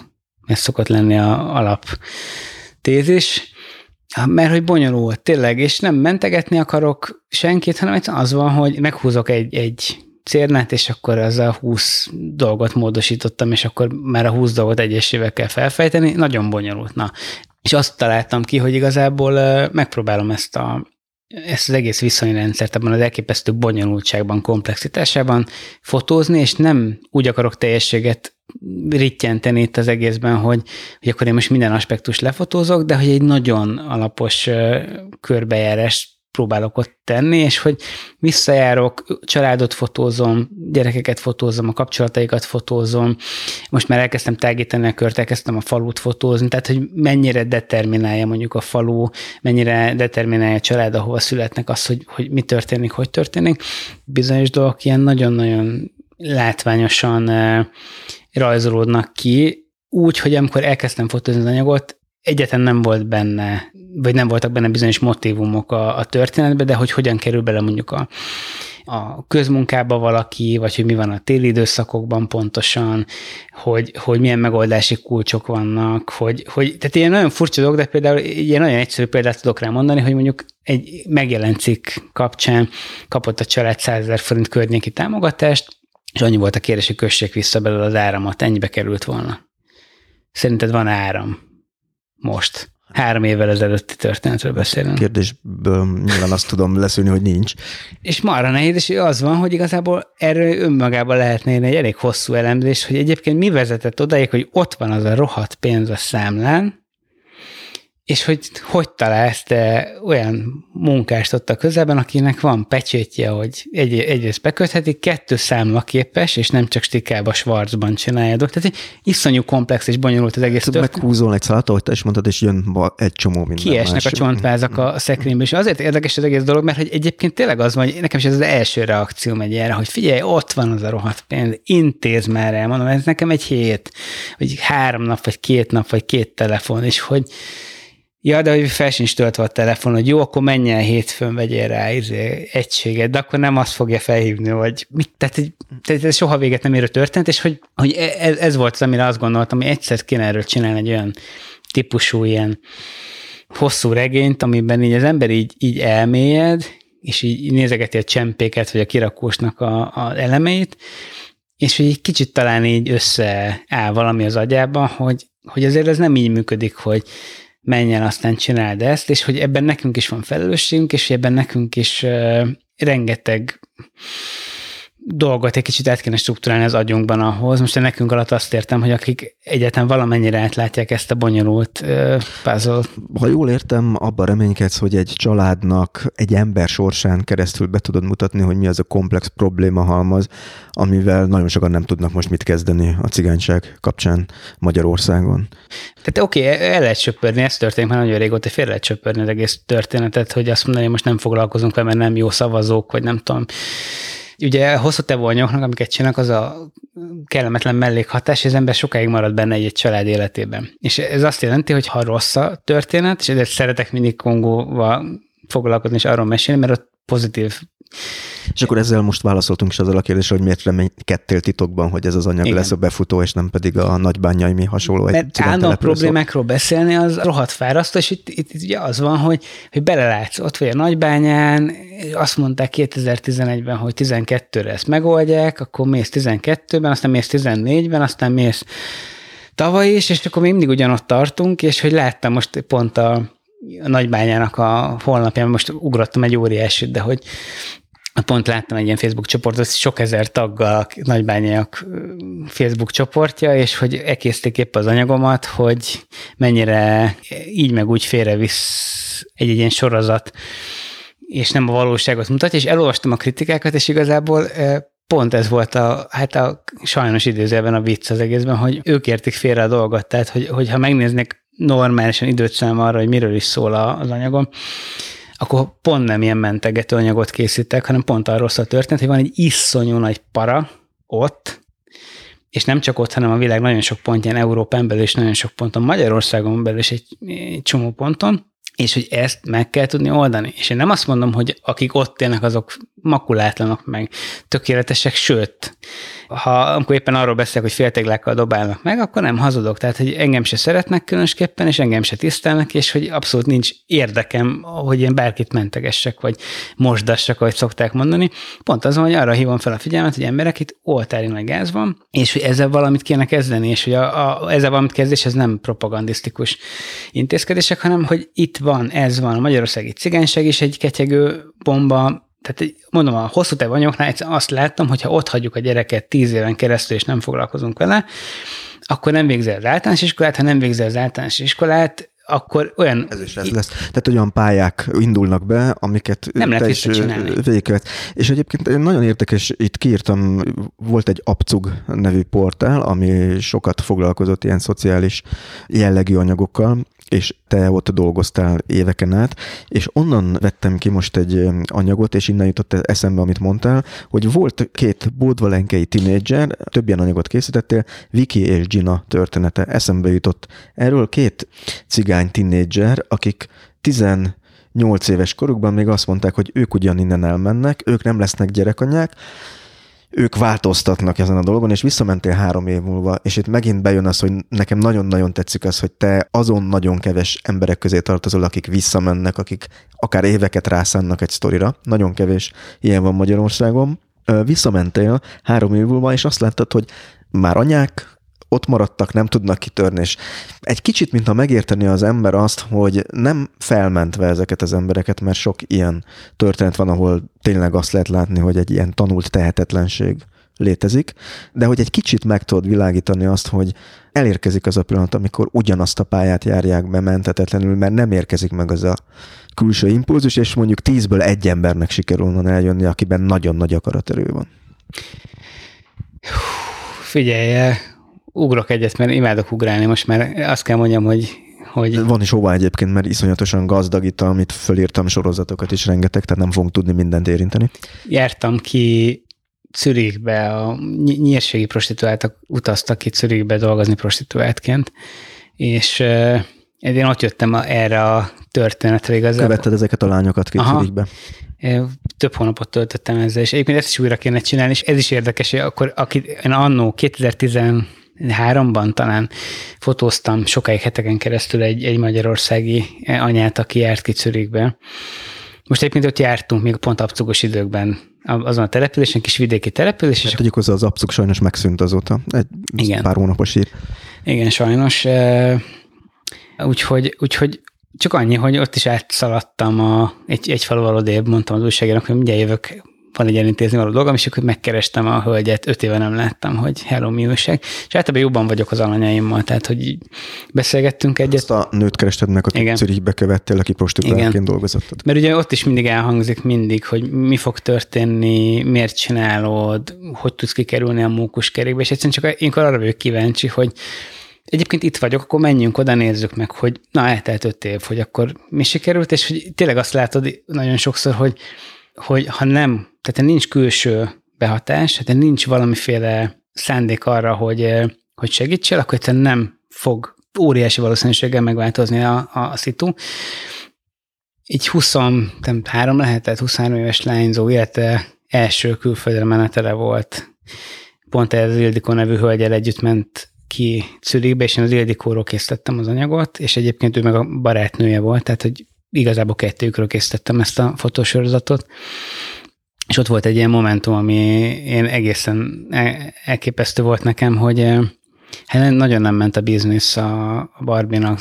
Helyes csinos lány volt, de félt, és teljes joggal félt, mert nagyon szar környéken álltak kint, és kocsiba beszállós lányok voltak.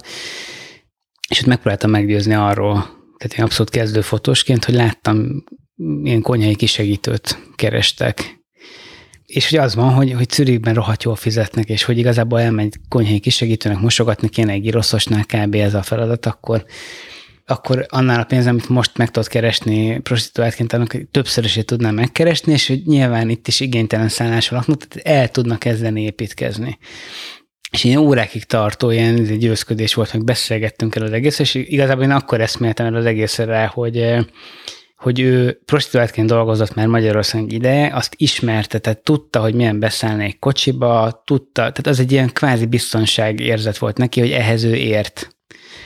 És az, hogy ő elmenjen egy konyhai kisegítő munkakörben egy olyan országban, aminek nem érti a nyelvét, tehát nem érti, hogy mit beszélnek hozzá, és hiába nem volt kardinális az, hogy tudjam németül, mert, mert érted, a pillanatokat magára szedte volna azt a néhány szót, ami szükséges a munkaköréhez. De hogy én olyan embert próbáltam győzködni arról kölyök fejjel, hogy, hogy próbáljon meg kitörni ebből az egész helyzetből, akinek nulla tehát intézeti lány volt, egy nulla tapasztalata volt arról, vagy képe volt arról, hogy a dolgok másképp is működhetnek a világon, mint amit ő megtanult. És én igazából arra eszméltem ott rá, tehát nyilván most egy szociológus kinevethetne, de hogy mondom, akkor még relatíve kezdő voltam ebben a történetben, hogy én tudnék neki segíteni akkor, hogyha most így rászánnék egy három-négy-öt évet arra, hogy, hogy ilyen mentorációban segítsek neki. Konkrétan kézen fognád és elvinnéd az adott szervezethez, az adott, aki segít. Pontosan. Megmondanád, hogy mit csináljon. Pontosan. Jövő héten is megmondanád. Pontosan. Három és, hét és hogyha nem akar bemenni három hét van reggel, mert azt mondja, hogy igazából utálja az egészet, akkor kézen kéne fogni és besétálni vele, és azt mondani, hogy hosszú ez az út még, és akkor, tehát mint egy saját gyerekedet, ahogy egyengedted az útját, ezt úgy kéne tudni csinálni, mert, mert én be kell, hogy menjek vele a giroszoshoz, el kell, hogy mondjam, hogy az van, hogy ez a szitu, és hogy neki ez egy óriási lehetőség lenne, és meg tudnánk győzni őket, és tudna munkát kapni, és el kéne mennem a szállásadóhoz, és meg kéne, tehát hogy, de hogy ezt, én, én nem viccek, én szerintem ez évek, de inkább öt év, mint kettő. Felmerült bennem itt a kérdés, hogy amikor arról van szó, hogy ilyen embereket kéne kirángatni, vagy segíteni nekik, akik generációkon keresztül esetleg egy hibás kulturális kódba vannak, mert az átörökített, most a, nem genetikailag, hanem kulturálisan átörökített megoldó képleteik nincsenek arra, hogy hogy kéne akár egy konyhai kisegítő munkát válni, hogy ez egy reális elképzelés, elvárás, hogy ennyi embert kézen fogunk, és tehát, hogy csak így lehet kihozni, csak itt, és akkor itt lehet tovább menni, hogy hány tízezer, százezer ember lehet ebben az állapotban. Nem biztos, hogy csak a cigányok között egyébként, tehát ez nem, itt most szándékosan nem népcsoport felől közelítem meg, hanem társadalmi státusz felől, hogy van ennek az országnak lehet erre erőforrás, hogy kézen fogja ezeket az embereket, és megmutassa, hogy másképp is lehet? Most az van, hogy ehhez igazából nem értek, tehát nyilván csak sötétben tapogatózok. Én azt szoktam gondolni, hogy ez olyan, mint valami öreg autó, érted, ami, ami én is amikor eldöntöttem, hogy a Warburgomat el kell, hogy adjam, akkor az úgy született meg a döntés, hogy többet költöttem a javítatására, mint ha vettem volna egy tök új autót, és annak a részleteit fizetem. És akkor ugye döntöttem, hogy igazából egyszerűbb a, a, a fejlődést választani, és nem toldozgatni, foldozgatni a rossz rendszert. Tehát a gazdasági részek közöttek, akkor azt mondanám, hogy ha most egy egységet költünk arra, hogy felzárkóztatni, akkor, akkor valószínűleg a tíz egység az, az közel van ahhoz, ami egy belátható időn belüli felzárkózást eredményezne. Kettő, amit mondtam, hogy ez elég egyetlen dolog, amikor az ember úgy fotóz mondjuk történeteket, hogy hogy mondjuk te megismered a prostituáltnak a családját, és látod a két-három éves izé, tündéri kisgyereket, és akkor visszamész tíz évben, és akkor azt látod, hogy igazából mondjuk már intézetben van, vagy, vagy mondjuk már ő is lassan ki fog állni a többiekkel a sarokra, és ugye ez a, ez a nem gazdasági részről való közelítés, hogy azt mondod, hogy igazából szabad-e elengedni komplet generációknak a kezét, és azt mondani, hogy bocs, de most nem akarok nagyon aktál politizálni, de hogy sok, stadionra költünk. sok másra költünk pénzt a helyet, hogy, mert hogy az, az egyszerű, meg könnyebb, meg, meg látványosabb. most szúrjak be egy, tényleg egy abszolút politikai megjegyzést. Vállalva, hogy ezt én teszem, és nem te, de azért felzárkóztatás címen is hány milliárd forint tűnt el, amit hogyha esetleg erre költöttünk volna, akkor lehet, hogy másként látnánk zárójelbe zárva. De a kiinduló sztorihoz, Viki és Gina történetéhez visszatérve, mit láttál, amikor visszamentél évekkel később azoknál a lányoknál? Lányokhoz? Hát azt láttam, hogy igazából látták azt, tehát ők maguk tudták, hogy először elmondani nekem még három évvel ezelőtt, vagy nekünk, mert újságról együtt voltunk ott, hogy hát milyen hibában nem szeretnének beleesni, mert ezt ők maguk is látták, hogy az ottani falunak a, a fiataljai azok milyen pályát járnak be, és igazából három évvel később gyakorlatilag azt hiszem egy srác kivételével, mert ott azért több, többeket megkerestem, de hogy azért nagyon pontosan ők is lekövették a, a falubeliek példáját. Azért érzem magam rosszul, meg kellemetlen ebben a helyzetben, mert hogy én krónikása vagyok ennek a kvázi nyomorúságnak. Ez az okoskodók világa vagyunk, tehát én is elmondtam annak a prostituált lányzónak, hogy mit kéne csinálnia én nagy bölcsen, hogy nekem van egy tök jó megoldó képletem, én tudom a frankót, ha ezt, meg ezt, meg ezt, meg ezt csinál, akkor minden frankó lesz. Csak mindig elfelejtem azt, vagy elfelejtjük azt hozzátenni, hogy igazából neked van egy alapod, neked van egy hozott uh, stratégiád, egy modelled, amit hoztál, és ezt szoktam én is erre mondani, engem ledobsz a dzsungel közepére, akkor feltalálom magamat valamennyire, néha hülyeséget csinálok, de hogy alapértelmezetten túlélek. Tehát nem húzhatod rá a te megoldó képleteidet valaki másra, akinek ezek nincsenek, és akiknek nem evidens ez vagy az vagy amaz, és amiknek, amit mondtam, hogy akár éveket kell azzal eltöltened, hogy meggyőzd arról, hogy fel sem merült benne, amit mondtam, fel sem merült benne ebben a lányban például az, hogy háromszorosát megkereshetné konyhai kisegítőként, mint, mint azzal, amit csinált, mert mert ez nem, nem az ő gondolkodás. Mondja, ő, ő abban nőtt bele, hogy ő intézeti gyerek, aztán prostituált lesz, és ebből tud pénzt csinálni, semmi máshoz nem ért, minden máshoz hülye kávé ez volt az egója. És akkor ebből építsd fel azt, hogy és ne, ne is a konyhai kisegítőt lőjük be, hanem lőjünk be valami komolyabb dolgot, hogy tanuljon tovább, aztán legyen ő maga valami. Hát egyáltalán, hogy kilépjen ebből a körből, és önállóan ö, egyedül elmenjen ahhoz a konyhához, egyedül bérjen egy lakást, stb. Tehát, hogy ezek mind nyilván ilyenkor. Fényévekre voltak ettől, és amikor azt mondod neki egy pár órás beszélgetésben, hogy haver, hát old már meg a helyzetedet, ne hülyéskedjél már, akkor így mondom, én olyan szempontból kölyök voltam akkor, hogy még kevés ilyen tapasztalatom volt. Mai fejemmel visszagondolva, hogy igazából amit csináltam, az, ez ilyen szócsépülés volt, meg kellett volna hívnom egy kávéra, és nem tudom, beszélgetnünk kellett volna tök más dologról, mert hogy itt csak összezavartam szegény szerintem.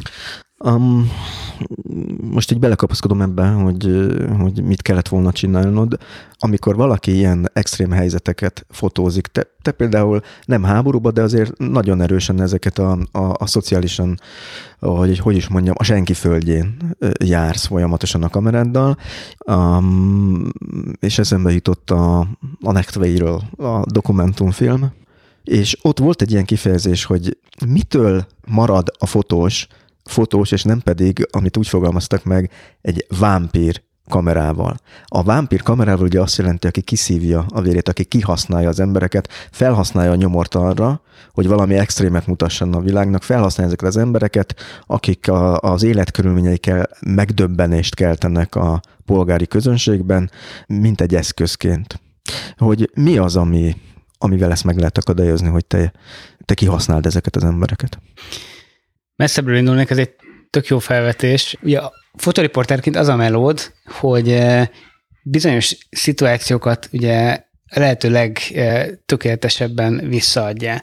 És eh, az a dilemma ilyen helyzetekben, hogy hogy ahhoz, hogy a nézőid, az olvasók azonosulni tudjanak a történetekkel, egyszerűen muszáj emberi érzelmeket, arcokat mutatni. Én nagyon ritkán szeretem azokat a teljesen konceptuális anyagokat, amik, amik, eh, amik így kihagyják az embert a történetből. Szerintem fotoriporterként az ember egy nagyon-nagyon-nagyon fontos eleme a, a, a riportjainknak, és az van egy, egy, egy nagyon konkrét példát tudok mondani, volt a Westbalkánnál az a tragédia, amikor eltapostak a, a pánik miatt gyerekeket. Rémhír volt, hogy, hogy valakiket talán megkísértek, és akkor lögdösödés, meg tumultus alakult ki, és nem emlékszem most már pontosan, hogy hányan, de több fiatal meghalt, és én például tök véletlenül, de elsőként értem oda, hiszen mentem hazafele, ügyeletes fotós voltam, nálam volt a fotógépem, és, és ott elkezdtem fotózni.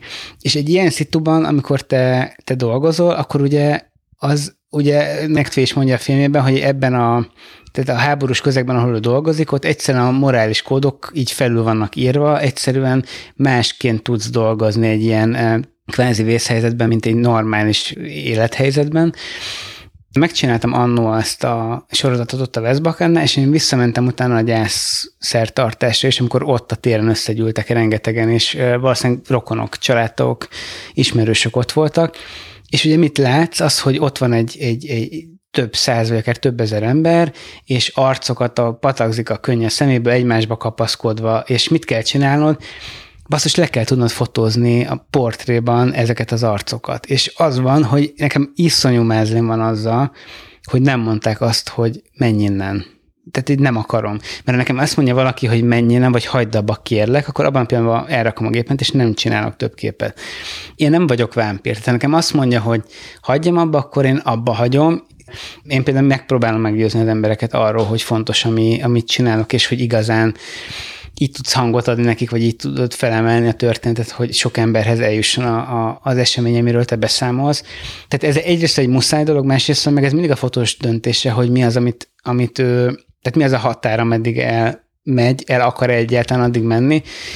És itt például nekem itt a Westbalkánnál ez egy abszolút ilyen volt, hogy oda mentem, felemeltem a gépemet, és ilyenkor így, így igazából elsüllyedek, hogy őszinte legyek legbelül, mert én olyan ember vagyok, aki így, így folyamatosan azt pörgetem vissza, hogy ebben a helyzetben én hogy reagálnék, ebben a helyzetben én hogy reagálnék, tehát én az alanyaim fejével gondolkozom nagyon sokszor, és ugye elképzelem azt, hogy mondjuk a testvéremet, gyászolomat, vagy a gyerekemet, vagy én nem tudom ki, és ide jön valaki egy méterre, felemel egy fényképezőgépet, és lefotózza azt, hogy hogyan patagzik a könnye a szememből, és ugye erre jön az, amit mondott a Náktvé, hogy fel vannak függesztve a kódok.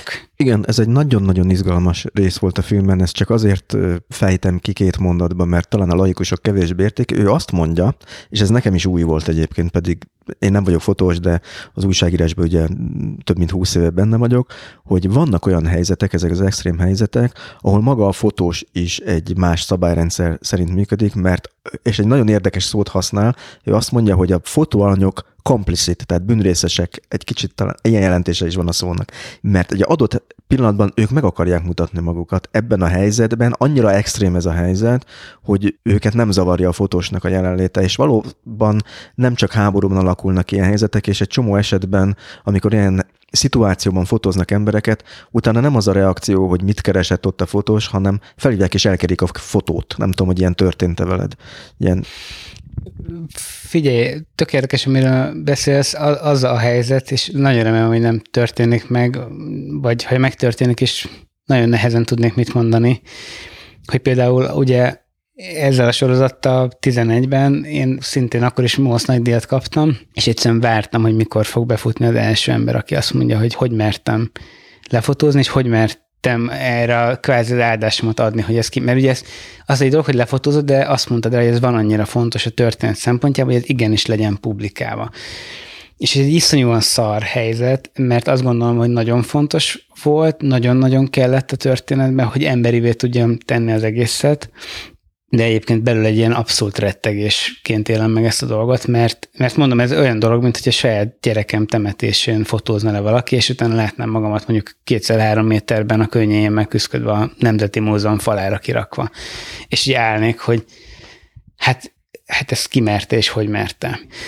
Tehát nem, az este 99,9%-ban konszenzus van ilyenkor a köztem és az alany között, hogy ezt én fotózom, Nyilván itt is látták, és nem küldtek el, tehát itt is megvolt ez a típusú konszenzus, de hogy azért eh, ez ebben az extrém helyzetekben most, hogy ez valós konszenzus, vagy, vagy észre se vett, mert keresztül nézett rajta, mert nem ott volt, ez nagyon nehéz, és ez ilyen szempontból szerintem elég sokáig kísértett is engem ez a, ez a történet egyszerűen azért, mert hogy ez ilyen bizonytalan helyzeteket nehéz megemészteni. Emelem a tétet. Aha, egy megfoghatóbb esetet hozok föl, amikor tényleg volt a következménye a képsorozatodnak.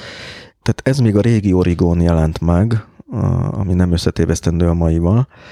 2009-ben volt egy ilyen anyagod, aminek az volt a címe, hogy a Provident hitelesek egy napja, ott arra vállalkoztál, felolvasom az idézetet, mert nagyon érdekes a koncepció is, hogy milyen emberek azok, akik kölcsönből fizetik ki számláikat a hó végén, hogy aztán újabb és újabb kölcsönökből fizessék a kölcsönöket. Naplopó szilhámosok vagy pekes szerencsétlenek. Itt arra költik a pénzt, vagy azért úsznak el, mert gyerekruhára sem futja. Ilyen embereket kerestél meg, és ha jól raktam össze, ennek a sorozatnak a keretében, vagy ennek talán egy mellékvágánya volt, nem tudom, végigkövettél egy falopást a kameráddal embereket, akik elmentek fát lopni, mert így szerezték be a tüzelőt, tehát nyilván nem jó kedvükben. És ennek a képsorozatnak aztán volt egy következmény, rendőrségi ügylet belőle, hogy ez hogy volt pontosan? Ez volt az első olyan fotoriport az Oregon, ami ami címlapi sztoriként jelenhetett meg, úgyhogy ez ilyen korszakos történet volt ebből a szempontból, és aztán abból a szempontból is, hogy rögtön éltem első rendőrségi ügyébe is belecseppentem vele. Azért volt elképesztő nekem ez, mert ugye tök gyakorlatlan voltam, ugye kb. négy éve fotózhattam, és hogy hogy ilyen típusú dokumentarista vagy szociálanyagokat nem nagyon csináltam még előtte, és ez rögtön egy ilyen mélyen szántó, három napra leköltöztem, és különböző családokat mutattam be. Nagyon sok embert érintett ez a kölcsön, meg hogy ez a nyomorúság, hogy hogyan törleszgetik vissza ezeket a kölcsönöket. Bocsánat, hogy közel csak a hallgatóknak mondom el, mert nem mindenki abban a korosztályban van, hogy tudja, hogy mi az, hogy provident kölcsön, vagy abban a társadalmi helyzetben. Ugye a provident kölcsön ez egy szegény embereknek alapvetően nagyon magas kamatra nyújtott kölcsön, azoknak adják, akik egyébként máshol nem hitelképesek, de ezért a kamat is nagyon sok. Zárójelbe zárva. Szóval az volt a történet, hogy kitaláltam, hogy ezt szépen feldolgozom. Leköltöztem, életem első ilyen anyaga volt, ahol leköltöztem több napra, és hajnaltól késő estig követtem ezeket az embereket. Tényleg voltak itt orforgászat, volt falopás, nagyon sokféle, és annyi történt, hogy nem tudtam én azt, hogy mennyire körültekintőnek kell lennem ahhoz, hogyha anonim módon akarom bemutatni ezeket az embereket, mert én kikockáztam mindenkit, szép alaposan minden arcot, meg azonosítható dolgot én ott eltüntettem a képekről, mert azt akartam, hogy hogy ne a bűncselekmény legyen az elsődleges, hanem az, hogy mi a történet az egész mögött. Azt elfelejtettem viszont, hogy azzal, hogy, eh, hogy a falu beazonosítható azzal, hogy ugye a, nyilván egy lovasztekérből, a lóból, a bármiből simán be lehet azonosítani, helyiek felismerik a illetőket, így pillanatok alatt eh, rendőrségügy lett eh, belőle. Úgyhogy ezt próbáltam el, elengedni, mert az, az a senkinek a rémálmába se jöjjön elő. Nekem volt elég sok álmatlan éjszakám amiatt, hogy, hogy én nekem nem az volt a célom, hogy amúgy is rossz helyzetben levő embereket még rosszabb helyzetbe sodorjak, és abszolút a legrosszabb jött ebből össze. Ugye emlékszem arra, hogy, eh, hogy én úgy mentem vissza az akkori felelős szerkesztőmmel elkísért, hogy mondtam neki, hogy vissza akarok menni, akarok velük beszélni, mert nem az van, hogy ott hagyom őket a szarban, és akkor én meg igazából még segítséget is tettem a magyar rendőrségnek azzal, hogy beazonosítottunk néhány falopót, és emlékszem arra, hogy ez elég kellemetlen pillanat volt, amikor kiszálltam a kocsiból, és akkor megláttak a alanyaim, akkor már szabadlában voltak. És elindult felém a egyikük, aki ült egy pár éves súlyos testi sértésért, hogy üvöltve, hogy mit csináltál velünk. És úgy voltam, hogy muszáj végigcsinálni a dolgot, mert hogy ember elcsesz dolgokat, akkor helyrehozza. Aztán mégis nem vert meg, vagy nem ütött meg, bár mondjuk én rákészültem, hátratettem a kezemet a hátam mögé, és mondtam, hogy akkor most ezen túl kell esni.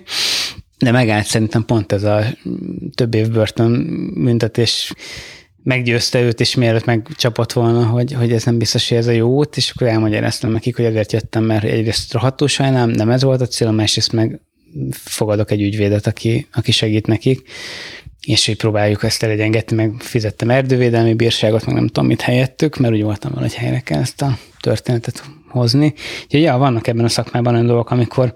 És sikerült, akkor így valamilyen szinten Hát figyelj, nem, nem, nem, senkit nem csuktak le, meg, meg hurcolták őket, meg hurcolták őket, de hát ugye az van, és ugye pont erről szólt a diplomamunkának egy része is, hogy azért volt egy-két olyan fotós a történelem során, aki ennél sokkal vacakabb helyzetbe találta magát, hogy például a Afrikában uh, lezuhant uh, helikopterpilótát a lábainál fogott végig vonszoltak a városon keresztül Mogadisúban. Ez az amerikai beavatkozás idején volt. Ami... Az a Black Hawk Down, Igen. a Szomália. Akkor utána ha jól tudom, mert nem biztos, hogy jól emlékszem, de ennek kapcsán nem avatkoztak be ott a, a népírtás Ruanda. Igen, akkor Amerika azt mondta, hogy a, a ezen az áron nem csinálunk több humanitárius missziót. Igen. Tehát akkor kiszálltak belőle, és aztán igen. De, de azért, mert volt azért egy-két fotós a történelem során, aki utána végül is azzal kelt megfeküdt, hogy, hogy tevőlegesen része volt a fotójának abban, hogy, hogy a nagy politika ebből precedens král. Igen, és ezt talán még megfoghatóbb történtek azok, most nem mondok konkrétan, de több ilyen volt, amikor fotókon szereplőket azonosítottak be később. Talán 2006-os magyar tüntetéseken is volt ilyen egyébként, hogy a sajtófotókon lévőket elkezdték beazonosítgatni, és az alapján gyűjtötték be. Ezt látom neked támasztani, az én képemet is megpróbálták az Origon keresztül bekérni. Aha. Mert én is fotóztam odakint, csak ez egy elég, ugye kim voltak a galérián a képek, ott nem kockáztunk még, ez, ez is egy érdekes történet. A, illetve még egy, egy, egy ilyen kitekintés, ugye a, a, amikor volt itt a menekült válság, akkor ezrével jöttek az emberek a határon, akkor ugye ott is az volt, hogyha valaki nekem azt mondta, hogy ne csinálj képet, akkor nem csináltam képet. Ezt így magasról leszart a kollégák nagy része, mondván, hogy hírértéke van a dolognak. De azért ez is egy elég meredek dolog, mert ebbe se gondolnak bele, hogy ugye pont egy magyarországi kis portálon megjelenő képek valószínűleg nem nagy port kavarnak, de mondjuk, hogyha valaki komolyabb vagy nagyobb nemzetközi ügynökségnek dolgozik, vagy újságnak, azért simán elképzelhető, hogy olyan embereket azonosítanak be mondjuk Szíriából, vagy bárhonnan, akiknek a családjuk ott maradt, és amiből igazán komoly dolgok származhatnak, és persze nem szabad mindig mindenbe ennyire túl gondolni dolgokat, de hogy, hogyha neked valaki azt mondja, hogy mert pedig ő ezt nagyon nem szeretném, mert neki félni valója van, akkor, akkor nem biztos, hogy ezt erőltetni kéne. És ez talán azért is van, hogy nagyon sokan nem foglalkoznak ezzel, mert sajnos a sajtó jó része nem úgy működik, mint te, hogy lemész egy helyzetbe, ott maradsz napokon, heteken át, aztán visszamész évekkel később, vagy visszamész, ha baj van, tartod a kapcsolatot. Sajnos az lett az alapvető működés, hogy beugranak a helyzetből, kiugranak, és nem azért meg gonosz ember, nem azért nem foglalkozik vele, mert már megy a következő témára. Nagyon kevés ember fordít arra időt, hogy végigkövesse Szofi élete, ez jutott most itt eszembe, több éve követed a családot, ezt a dolgot. Sok minden van itt, amit kiírtam, hogy egy vidámabb történetre ugorjunk, ami viszont nem annyira vidám, de mindenképpen pozitív, hogy követtél például egy postást is, aki kifejezetten hát ilyen helyre kérte magát, ilyen a cigány sorra. Ezt azért írtam ki, mert hogy ezzel egy elég rangos díjat is kaptál. Ez volt a 2010-ben a Pictures of the Year, ez egy nemzetközi rangos díj. Egy Szőke Tibor nevű postást követtél, hogy ez hogy jutott eszedbe és miért?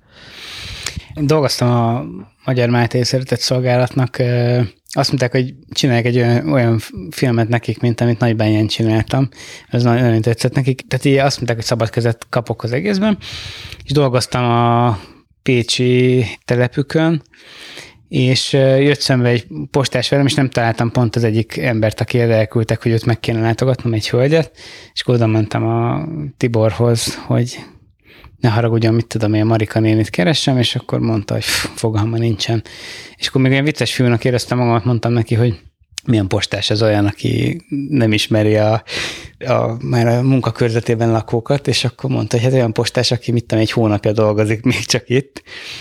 És akkor megint csak viccesnek éreztem, hogy mondtam, hogy miért száműztek téged ide, és mondta, hogy nem száműzték, hanem hanem egy, egy kemény helyről beszélünk, tehát az egy elég necces, meredek helynek számított Pécs külvárosában, és úgy mondta, hogy nem száműzték, hanem ő oda akart menni, mert úgy gondolt, hogy neki egy missziója van ott, és hogy neki a dolga van.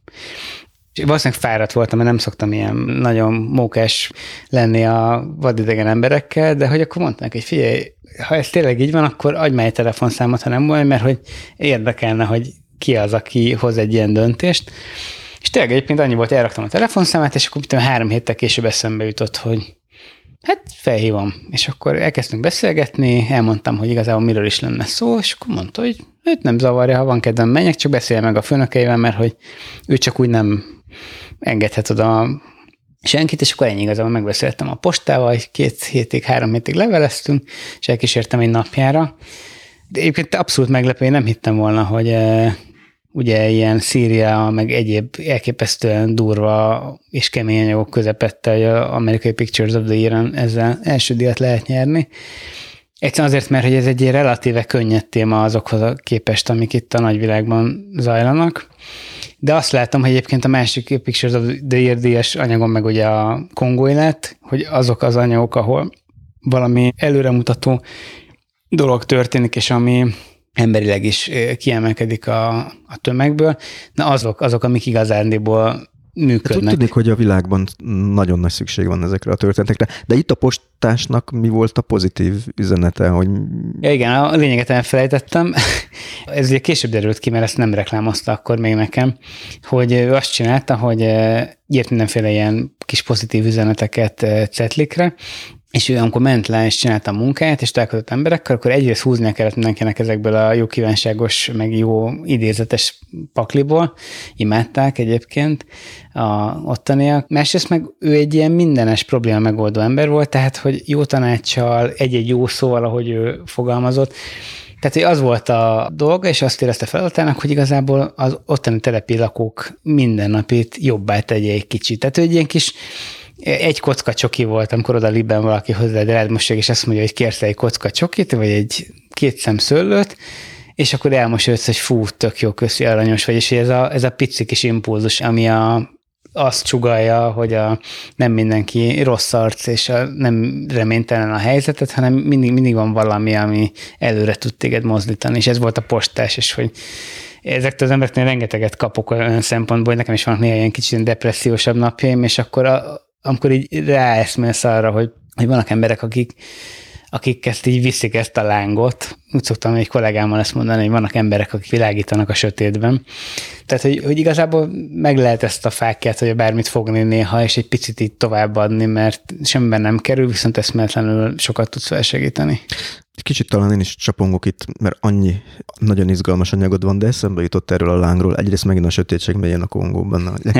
ez, benne maradunk egy képben, ez mindig egy ilyen nagy hiba szokott lenni az írásban, hogyha valaki ragaszkodik nagyon hozzá és végigviszi.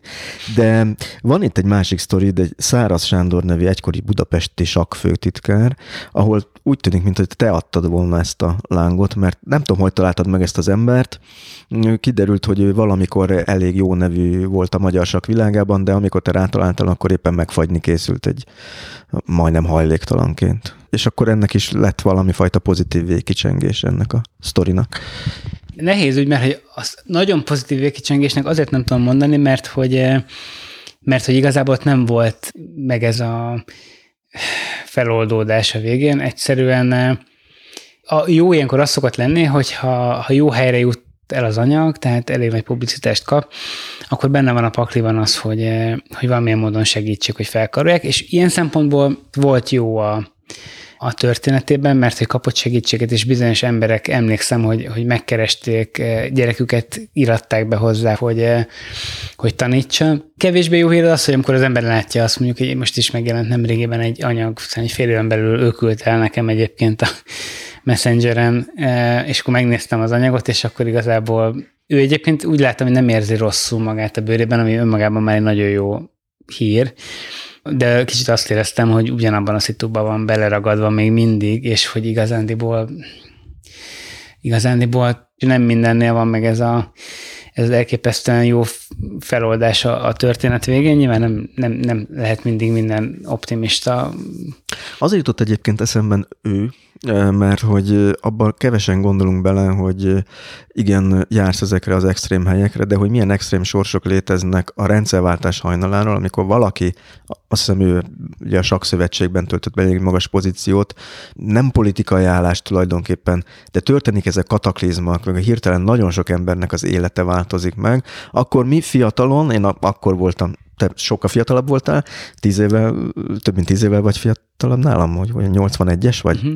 én 73-as, nem, akkor hát számoljuk ki, 8, 7, 8, minden esetre én akkor kamasz voltam ugye a rendszerváltáskor, és vagy 20 éves aztán az első éveiben, és mindig így ez volt bennem, hogy jó, hát oldják meg, hát ez hát nekem is nehéz, találja fel magát. És akkor eltelik 15-20-30 év, és rájön az ember, ahogy kapja a pofonokat az élettől, hogy hát nem olyan egyszerű, amikor ki szalad alad a talaj. És valahogy nekem például ő, az ő sztoria, amit földolgoztál, az egy kicsit ez volt benne, hogy elgondolkoztam rajta, hogy akkor 90-91-ben hány és hány ember került a helyzetbe, aki nem pártfőtitkár volt, nem besúgó, egyszerűen egy olyan állásba volt, amit aztán később értelmét vesztette, vagy átalakult, és hirtelen eltűnt mögül egy egész világon beélt. Pont a sajtó az most nem egy, egy ilyen nagyon fizetett, vagy nem egy olyan hely, ahol, ahol pikpak el tudsz helyezkedni. Úgyhogy abszolút értettem, a, és azt gondolom egyébként az is érdekes, pont az abcugon egyébként, akkor ugrok egy-egy gyorsan, a, a, volt egy anyag, amit én nagyon szerettem, a középosztályról csináltunk egy, tudom, elég sok részes anyagot, szerintem ott is hónapokat töltöttem azzal, hogy, hogy ott közgazdásztól matematikusan át, orvoson, tól kezdve, én nem tudom már hányféle középosztálybeli, vagy ilyen klasszik középosztálybeli munkának tartott ember családjával csináltunk riportokat, és egy ilyen hangos képanyagot én is fotóztam velük. Én, én ezt nagyon-nagyon szerettem. Egy... Tulajdonképpen az, hogy hogy néz ki Magyarországon a középosztály, Igen. ilyen szociografikus igény, Abszolút. konkrét családokon bemutat. Abszolút. Szerintem, nem is emlékszem, szerintem nyolc család, de hogy per családot szerintem három napokat eltöltöttem velük, hogy ez tisztességesen meg legyen fotózva, ha ment a nyaralóba, nyaralóba, ha ha sebész orvos fotóztam a János kórházban, akkor ben voltam a műtéttől kezdve addig vele, amíg futott a este melő után, vagy a barátaival elment sörözni. És az is egy elképesztően izgalmas dolog volt, hogy voltam fotóssal és művésszel és sokféle emberrel, hogy például itt, itt maga a középosztály is mennyire zsugorodik, és hogy a középosztálynak egy része az bizonyos szempontból már lejjebb csúszott egy, egy osztálya, és ők maguk se feltétlenül tudják ezt, eh, hanem amikor elkezdenek erről beszélni, és elkezdik kifejteni a részleteket, hogy mit is jelent a... Akkor eszmélnek ők is, hogy hoppá. Akkor eszmélnek. Volt olyan egyébként, most nem fogom ennyire leszűkíteni, aki azt mondta nekem, hogy ő hogy ő azért nem akar benne lenni az anyagban, a középosztályról szóló anyagomban, vagy anyagunkban, ezt a Szurovic szívéssel csináltuk, mert hogy ő azt érzi, hogy ő ebből kilóg fölfele ebből a középosztálybeli kaszból. Aztán kiderült, hogy ő volt jövedelmi szempontból a legalja gyakorlatilag a, az általunk merítésnek gondolt számnak, tehát hogy a, a leg, leg, leg, leg, leg alsó, és ő azt úgy élte meg, hogy ez ő státusza az kiemelkedik ebből, csak érdekes ez, hogy tényleg ott ugye a középosztálybeli létnél is olyan átjárás volt a, konkrétan már ebbe a kicsit a szegénység irányába, hogy mondjuk a, az elismert tanárnő az mondjuk idegen vezetni járt ki Párizsba apró pénzért, vagy kölcsön kellett felvenni, akár pont Provident kölcsönt a, a gáz konvektorának a megszereltetése, tehát azért itt voltak izgalmas történetek, és elméletileg egy tanár, az 30-40-50 évvel ezelőtt, én tanárcsaládból származom, az, az középosztálybeli családnak számított tényleg ezek az anyagok olyan szociografikus igényűek, amiket megfotózol, és nem csak megfotózol, mert egy csomószor te is írod a, hozzá a, a szöveget, vagy sokszor előfordult, tehát riporterként is működsz, hogy bennem legalábbis az merül fel, vagy egy olyan arra asszociálok, hogy minthogyha itt tényleg itt a 20-as, 30-as éveknek a nagy szociografikus készítései élnének tovább, hogy valóban ezért tovább, hogy mi hagy téged abban, miért jó oda menni a nyomortelepre, miért jó be kéreckedni a középosztály családjában, miért jó elmenni Kongóba? Hát azért ezek nem kényelmes dolgok, és mi késztet arra, hogy belekerülj olyan szituációkba, ahol aztán azt kell mérlegelned, hogy nem utálnak el azért, amiért lefényképezed, mint például, amit említettél a, a gyászolókat, hogy ezért egy csomó ilyen helyzet is van benne. Fú, én, én tök kíváncsi vagyok.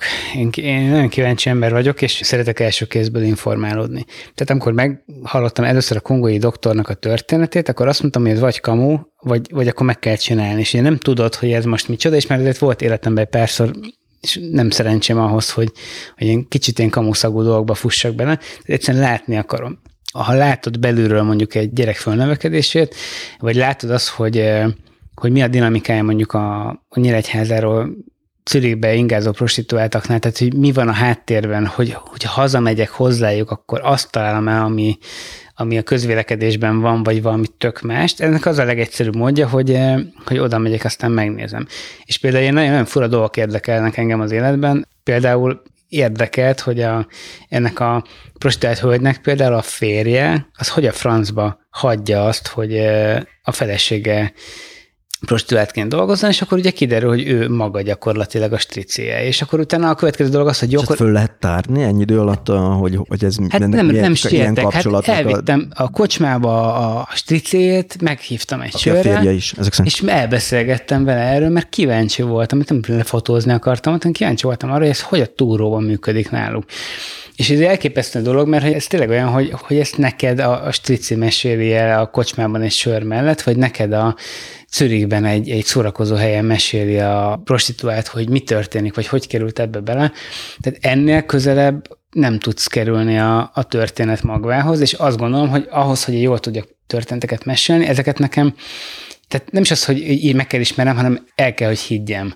Mert ha el tudom hinni azt, hogy egy valid, igazi történet, egy igazi mondani való van az egész mögött, akkor szívesen vagyok benne, szívesen mesélem. Tehát, el tudom valakinek ezt, ezt mesélni, hogy ha, ha fölmerül akár egy, egy ilyen kocsmai beszélgetés mellett, hogy te figyelj, az van, hogy, és azt tudod mondani, hogy tehát e, ez a migráció a legjobb példa volt rá, hogy, hogy azt mondják nekem egy kocsmában, érted, hogy ez meg az meg amaz van, és akkor az a válaszom, hogy a gyerekeket itt tegnap este még ott voltam, és az a helyzet, hogy pontosan ez a helyzet, hogy. Tehát ez történik a röszkei határátkelőn tegnap 23 óra 42 perckor, és így gyűlöm ezt a, a mellébeszélés részét, gyűlöm azt a részt, amikor azt hallottam, és hogy egyébként is, meg szerintem nem, nem, nem. Tehát ha te ott voltál tegnap, nem tudom, vagy ott voltál Kongóban, akkor te tudod, hogy milyen Kongóban a rendőrökkel zöldágra vergődni, vagy lehet-e egyáltalán, és nem arról van szó, hogy mesélte a szomszédodnak az unokaöccse, aki, aki már látott kongói embert egyszer valahol tévében, hogy van itt még egy kérdés a másik oldalról. Arról te össze tudtál rakni magadban valamit az évek során, hogy a stricé, vagy a prostituált, vagy egyéb más nehéz helyzetben lévő ember, vagy a falopó miért akarja elmondani neked a történetét? Ez tök érdekes egyébként. A, egy részük azért, mert e, egyszerűen valamiféle segítségre számít. Pont a prostituáltás anyag kapcsán a, az a lány, akiről meséltem, akit nem tudtam meggyőzni arról, hogy menjen el mosogatni, ő például iszonyatosan lelkes volt amiatt, hogy, hogy beszélgetek vele, és sokat beszélgetek vele, és meghallgatom, amit el akar nekem mondani. És ez egy, ez egy tök érdekes dolog, de hogy egyszerűen azzal, hogy, hogy majd, hogy nem ilyen baráti viszonyba kerültünk hogy tud nekem mesélni, és valóban érdekel az, amit ő mesél. És ez, ez szerintem egy tök új dolog volt egy gyerek otthonos háttérrel. A, és, és vannak olyanok, akik egyébként szerintem azt remélik, hogy például segítik. Tehát mindig vannak ilyen történetek, meg sikertörténetek, hogy, és egyébként meg is történnek ilyenek, hogy egy-egy anyag kapcsán mondjuk effektíve pénzzel, bútorra, bármilyen segítséggel, lehetőséggel sakmesternél ugye gyerekeket irattak be hozzá, tehát hogy megváltoztathatja ez egész az életüket, és van, aki ezzel számol. Bizonyos szempontból nekem ezt ki kell tudni zárni, pont azért, mert hogy nem hathatok rá az anyagra, és nem én nem színházi előadást fotózok, hanem hanem próbálom a valós életet. Mert hogy van ilyen, hogy ezek az emberek elkezdik használni a médiát tudatosan? Teljesen, teljesen. Abszolút. Egy, előadnak egy történetet, hogy meghassanak, hogy, hogy szánalmat keltsenek, hogy beindítsák a segítségnyújtást? Én azt gondolom, hogy erre vannak minták, és ez abszolút lehet látni. Tehát, hogy ez ugye úgy működik a, a dolog, hogyha ha engem beengednek a házába, akkor majd én, én biztos el tudom neki intézni ezt, meg azt, meg amaszt. És ez például nagyon nehéz, tehát amit én fontosnak tartok, és amiről hosszasan akarok beszélni, ott ezeket elég hamar le kell tisztázni, hogy mi az én szerepem. Olyan volt már például Szofis anyagnál is, hogy ugye ezt mondtam, hogy támogatták a családot a cikk megjelenése után. Ezt én például nem zárom el, tehát nem az van, hogy engem keresnek meg, hogy akkor bocs, de ne avatkozz bele, be akarsz avatkozni, olyan értem, hogy akarsz nekik pénzt adni, vagy segítséget, tedd. Nem rajtam keresztül, tehát én ott kiseggelek a történetből, de nem zárom el a, őket a, a lehetséges segítségtől, mert nem az a célom, hogy konzerváljam a nyomorukat, hanem az, hogy, hogy beszámoljunk az életükről, és egyébként az is része, tehát hogyha kapnak, mit tudom én most egy hülyeséget mondok, mert ilyen sose történt, hogy kapnának 10 millió forintot, iszonyúan érdekes lenne, hogy, hogy mire jutnának a, ezzel a pénzzel, tehát hogy lenne minőségi váltás, vagy nem. Tehát hogy engem nem az érdekel, egy szitot, hanem az, hogy a dinamikáját bemutassam. Tehát valóban az van, hogy sokszor érzem azt, hogy, hogy van benne számítás is. A mögött nem csak ez a barátság rész, e, ezeket kezelni kell szerintem tudni nagyon hamar és nagyon pontosan.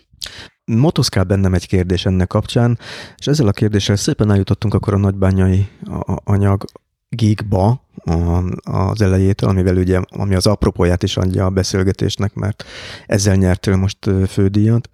Mivel itt ugrálunk, mindig így közbe kell vetnem, hogy a nagybányai sorozat is egy nyomortelepről Igen. szól, amit egy fallal választott le a város 2012, ha jól 11. 11, és te szinte azóta követed a sorsát ennek a szintén cigánytelepnek, Nagybányán, ami ugye Romániában van. Csak ezt közbevetettem, hogy aki nem ismeri ezt, az is tudja követni, hogy itt mi között ugrálunk. Tehát egy fallal választottak le egy cigánytelepet, amire nagyon sok mindent lehet mondani, hogy egy rasszista megoldás, populista megoldás, stb. De mindig felmerül bennem, hogy oké, okay, bemutatjuk, hogy mi van a fal egyik oldalán, de ott vannak a fal másik oldalán is emberek, akik ö, talán nem véletlenül helyeslik ezt a lépést, mert ők viselték ennek a következményeit, hogy ez a telep volt. Azért viselték a következményeit, mert más nem volt hajlandó megoldani, rájuk testelt a az állam kivonult, a rendőrség nem csinál semmit, és akkor oldják meg, ahogy tudják.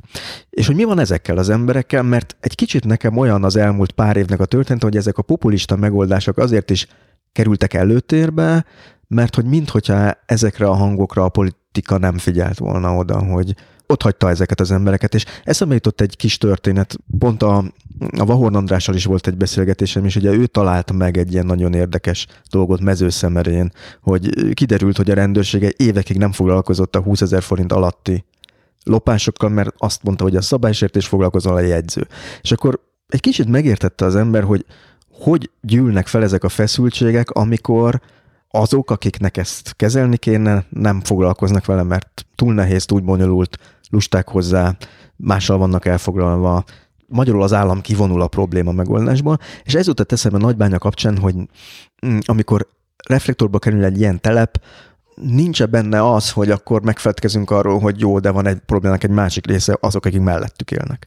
Most ez lehet, hogy egy túl populista megközelítésnek tűnik, csak fontosnak tartom érzékeltetni, hogy ez a probléma azért nagyon létezik most a mai politikában, hogy mi van azokkal az emberekkel, akik, akiket kevesebbet fotózunk, és ugyanúgy ott vannak, és és, hát amikor ott csináltuk először 2014-ben a Szabó Balázsjal ezt a kis filmet, ilyen multimédiás filmet, akkor ugye ez volt az alapvető hát felvetésünk, hogy akkor próbáljuk meg ezt a falat minden szögből megmutatni, és akkor ugye ebben voltunk ott a, a cigányság oldalán, ben voltunk a, a szomszédok oldalán, elmentünk a polgármesterhez is sok mindenkit meginterjú voltunk a történetben. Tehát az ember inkább nyilván próbál objektív lenni és kiegyensúlyozott. Kicsit azt érzem, hogy nekem kb. az a dolgom ebben a történetben, és én a nagybányától óckodom, mert hogy az, az egy kemény szitu, kemény helyzet, kemény emberekkel, egyre feldődöttebb emberekkel, ráadásul. A kerítés vagy a fal mindkét, mindkét oldalán? oldalán. Én már nem, nem, nem jó oda visszamenni, mert, mert közel van az a pofon, amit kapni fogok.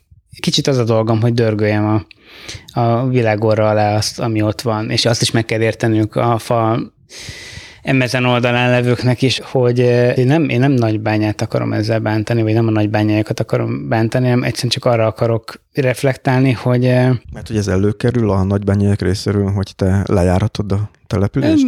Van egy jó nagy Facebook oldaluk, ahol mindig ilyen hőzöngő posztokat kapok a munkáimra, mikor nagy része azért értelmetlen, mert hogy nem ismerik a, az anyagot, tehát csak ilyen részek alapján ítélnek, de így muszáj kicsit dörgölni a, a, ugye egész világorra lesz az egész áldatlan helyzetet, ami ott kialakult, mert, mert ugye erről beszéltem csak az interjú korábbi részében is, hogy nem lehet a végtelenség jegelni dolgokat. És az van, hogy álmegoldásokkal sem lehet megoldani ezeket a dolgokat.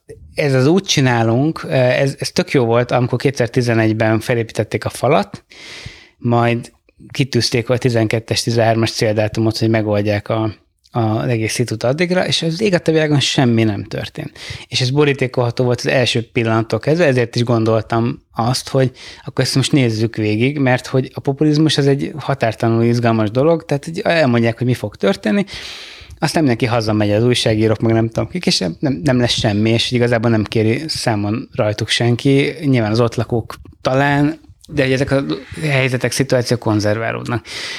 Nem tudok mást. Ezeket egyszerűen néha föl kell emelni, indulatokat kell szítani, egyszerűen azért, mert hogy tényleg a fejünkre fog omlani ehhez. De ahhoz, hogy föl lehessen mutatni ezeket a helyzeteket, ahhoz kell az is, hogy ahol föl tud mutatni, vagy hogy egyáltalán neked legyen időd, energiád fölmutatni ezeket, és nekem az az érzésem, hogy az utóbbi 10-15 évben egyébként világszerte, mint hogyha kezdenének beszűkülni a lehetőségek arra, hogy a fotoriporterek ezeket a lehetőséget felmutassák, kevesebb pénz van a sajtóban. A hirdetők inkább Google-on hirdetnek, a Facebookon, nem a magazinokban, nem a fotóriportokat közlő újságokban, ezek megszűnnek, kiszorulnak, az abcug is megszűnt. A működő dolgokat néha elfoglalja a kormány sajtó itt Magyarországon. A lényeg az, hogy ez az udvar, ez úgy tűnik, hogy egy kicsit nagyon kezd szűkülni, hogy te ezt érzed a saját életedben is? A, abszolút egyébként hozzátartozik, hogy pont az ilyen típusú anyagoknál, amiket én csinálok, hogy hetek, hónapok, akár évek kellnek ahhoz, hogy a tendenciát szépen ki lehessen rajzolni, vagy akár itt csak ha visszanézzünk a középosztálybeli anyagra, amiről beszéltem, ahhoz, hogy ez egy komoly munka legyen, és amit ami, amire vissza lehet még tekinteni 15-20-30 év távlatában megnézni, mi volt az akkori középosztálynak a helyzete. Ezek sok idő, sok energia, befektetett pénz.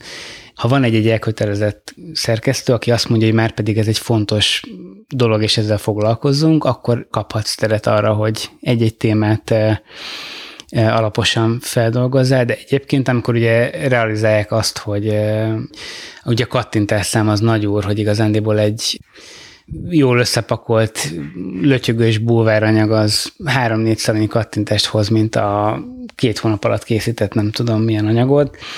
Tehát most is azt szokták mondani, egyébként az ilyen presztízs ügynökségek is, mint, mint amilyen egy ilyen Reuters, vagy Get Images, vagy AP, vagy nem tudom, hogy készítenek ilyen egészen fantasztikus anyagokat, nyernek vele Pulitzert, meg nyernek vele WordPress-t, kirakják a kirakatba, de egyébként a daráló megy, és az lehetőleg olcsón, és hogy, és hogy minimál áron kipréselve a, a rendszerből. Én nagyon drukkolnék annak, hogy legyen valamilyen patronus-szerű rendszer, mert egyszerűen hiba lenne elengedni ezt az egészet, és, és nem megcsinálni, vagy nem dokumentáltatni folyamatokat. Én nekem az örök példám a, a amerikai gazdasági válság, ahol az állam azt mondta, hogy egy, Ez a 29-es. Aha, de úgy hívták a csoportot, hogy FSA, és hogy megbíztak egy-két fantasztikus fotóst. Igazából nem művészeti produktum létrehozására kérték őket, hanem egyszerű dokumentációs sorozatot, tehát hogy legyen egy... Ha lehet, tudjuk mondani a neveket, hogy be tudom tenni a műsorjegyzetbe. A... Dorothy Langre, emlékszem. A, most igen, a Dorothy Langre akartam én is küldeni, tehát akkor de úgy meg hogy, néznem hogy a... az egyikük a Dorothy Lang volt, aki a mai napig egy... Meg kell nézni igen. őket, mert sem emlékszem most így, így, így rá, hogy, hogy a, kik voltak a nevek, de hogy egy egészen fantasztikus anyag született, és az van, hogy tök jó, hogy vették a fáradtságot arra, hogy, hogy ezt a típusú dolgot dokumentálják, és kicsit azt érzem, hogy ugye Megint közbe kell vetnem a hallgatóknak, akik nem fogják tudni, hogy ugye ez a gazdasági válság idején 29-30-es évek elején, illetve pár évek később um, ugye azt a világot fotózták meg, amiről mondjuk a, a Steinbeck, a, a, a, Erika Gyümölcs. Erika Gyümölcs világa megfotózta, és a Dorothy Langnek egészen ikonikus képei vannak, amit hogyha biztos, hogy találkoztak a hallgatók, és csak nem tudják, hogy ő fotózta, és ezt a Roosevelt New Deal-i kabinet államszervezet elkezdte finanszírozni. Ugye ez az FSA, ez tulajdonképpen a mezőgazdasággal foglalkozó állami hivatal volt, ami, amelyik foglalkoztatta csinálta ezeket a, a fotósokat ezzel a célral. Magyarországon nem nagyon látunk most ilyet, vagy az elmúlt húsz évben, hogy lett volna ilyen. Igen, mert elképesztő tradíciói voltak ennek, de hogy, de hogy tényleg azt érzem, hogy, hogy minthogyha így, így, így kimaradna, kimaradna ez a történelmi időszak, mert hogy elképesztő dolgokat lehetne dokumentálni, ki lehetne gyönyörűen találni, hogy ezt hogyan lehetne egy, egy keretrendszerbe illeszteni. Azért lenne elképesztően izgalmas ez az egész, mert lehet belőle tanulni, és tényleg azt gondolom, hogy, ez, hogy nem csak az elbukás, hanem ezeket a, a, a spirálokat nagyon érzékletesen meg lehet nézni, hogy ezek, ezek hogy jönnek létre, és hogy történik-e valami benne, vagy van-e valami közös pont, ahol ezek megfordulnak, kitörnek ezek az emberek, vagy hol ragadnak be, hol buknak el a legtöbbek. És hogy ahhoz, hogy ezt meg lehessen oldani, ahhoz ezeket tanulmányozni is kell tudni. Lássuk, tehát nézzük meg, hogy mi van akkor, érted? Ez mindig benne van a kérdés ebben, hogy és mi van akkor, hogyha megfogom annak a lánynak a kezét, és azt mondom, hogy jó, figyelj, akkor, akkor most játsszuk végig az öt évet, és akkor nézzük meg, hogy magad mögött tudod-e hagyni az életed azon részét, és tudok-e benne segíteni. Ez vissza-vissza jön? Nem hogy mi történt volna, ha megfogod a kezét? Nyilván ott, ott ez, ezen nem tudtam volna, ez egy speciális helyzet ezen segíteni, de egyébként ez egy nagyon izgalmas gondolat, hogy elég ez, hogy dokumentálom, vagy, vagy bele kell tudni néha ebben nyúlni, vagy hogyha igen, akkor hol. Rendszeresen azt kapom vissza egyébként, hogy nem szabad belenyúlni, mert hogy tényleg elviszi az életemet, és olyan dolgokkal foglalkozok, aminek nem én vagyok a, a szakember és a megoldója.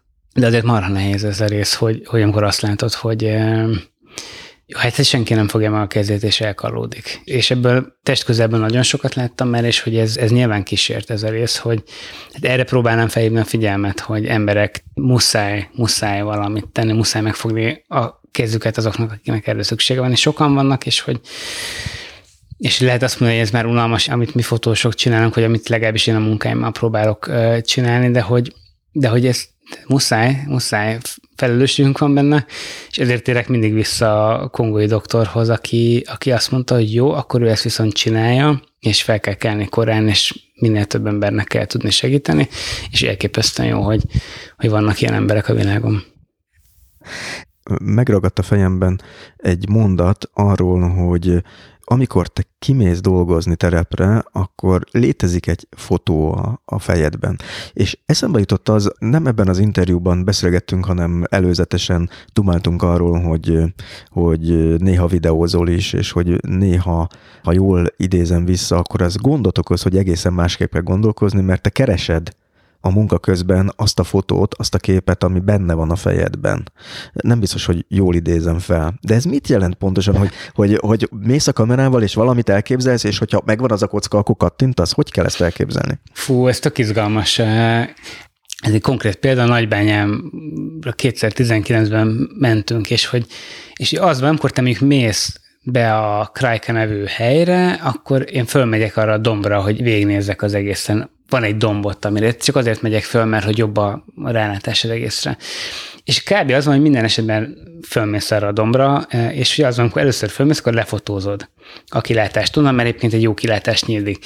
És amikor legközelebb fölmész, akkor látod, hogy mondjuk e, valaki talicskában tol valamit, és lefotózod. Harmadik alkalommal valaki éget ott valamit, lefotózod. És hogy az van, hogy igazából összeáll a fejedben, hogy ez egy nagyon jó nagy látószögű összefoglaló képe az egész telepnek, és ebben te igazából már tudod, hogy bennem vannak a képek, amiket elkészítettem valaha. És tudod, hogy mi van eddig. És amikor az, az, az van, hogy ennek a képnek helye van egy 10-12-15 képes sorozatban, de minden esetben fölmész mondjuk arra a dombra, akkor igazából te várod az, hogy jobbak legyenek a felhők, hogy, hogy, a, hogy van olyan dolog legyen azon a képen, ami, ami még jobban összesűríti az egésznek az érzetét. És egyébként azért ezt a képet mondom, mert most csináltam egy olyan képet, ami szerintem az abszolút a tavalyi évem kedvence, de hogy volt egy olyan pillanat most, amikor ez a látvány, amiről beszéltem neked, egy két kis srác az ablakkereteket szerelte szét, és hordták be tüzelőnek, és a kis srác szétszett az ablakkeretet, fölvette a vállára, és ahogy jött felém, igazgattam, mert szétcsúszott, és gyakorlatilag egy ilyen totális keresztformába berendezte, és akkor a keresztel a hátán sétálta. És gyakorlatilag teljesen megvan a passió feeling az egészben, minden klappol a képen. De így, tudom, ez így furán hangzik, mert a saját képen leszek, de így kell megcsinálni képet. Ez a kvázi 2019-es év számomra tökéletes képen. Nem tudok hozzátenni mást. Amiben benne van a történet, bele Igen, van tehát nem tudok hozzátenni mást. És, és ez egy ilyen elképesztő dolog, és ezért mondom, hogy az ember ilyenkor keresi, mert az van, hogy a, ott van a simpár, és 43-szor mész egy nap keresztül rajta, és 43-szor fotózol egy rajta fekvő kutyát, egy átlépő embert, a lovát a sínek között vezető embert, és egyszer a tíz év alatt van egy olyan képen, mint amikor az a piros ruhás kislányát el az egész közepén, és fésüli a haját, de hogy de neked megvan a ló, megvan a kutya, megvan a... Tehát, hogy és hogy tudod, hogy ez a hova vezet a, a simpár, és hogy mi ennek az üzenete, és hogy igazából nem rendezelte meg ott semmit, egyszerűen csak várod azt, hogy a sok év alatt egyszer csak megszülessen egy olyan kép, ami, ami ott van e- abban a pillanatban, amikor te ott vagy, és ezt le tudod fotózni, így tud egy anyag igazán kiforni, hogy, hogy amikor te ismered már az egész történet, akkor nem belefásulsz, vagy beleunsz, hanem egyszerűen az van, hogy amikor odafordulsz mondjuk a töltés felé, és azt mondod, hogy most. Tehát most összeállt a történet.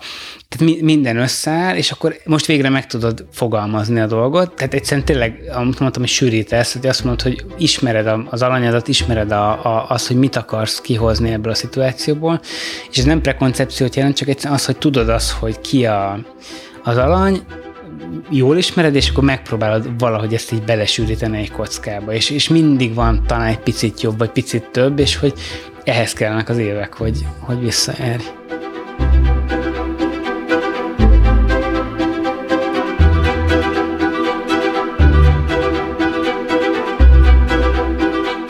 Ennyi volt mára az élet meg minden, legalábbis ami a műsort illeti. Kedves hallgatók, ezzel búcsúzom a következő alkalomig. Tehát ne felejtsétek, hogy mostantól ti is tehettek azért, hogy az Élet meg minden podcast még sokáig legyen. Sőt, hogy esetleg majd gyakrabban jelentkezzen új epizóddal. A podcastot ugyanis ezentúl támogathatjátok a Patreonon. A részletekért látogassatok el a műsor weboldalára, amelynek címe az életmegminden.hu.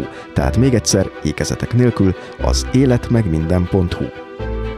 És mielőtt elnémítom magam, még egy apróság, ami neked is hasznos lehet. Mindig is úgy gondoltam, hogy az újságírás nagyjából egészében tanulható mesterség. Ezért is írtam meg hat év munkájával az első leütés gyakorlati újságírás nem csak kezdőknek című könyvemet. A könyv nem új, évek óta használják az egyetemeken és az újságíró képzésben is. De ma is minden héten rendelnek tőlem példányt, talán azért, mert ez az egyetlen olyan átfogó könyv a témában magyarul, amelyben a szerző, becses személyem arra is ügyelt, hogy ne száraz szöveget kapjon a kezébe az olvasó.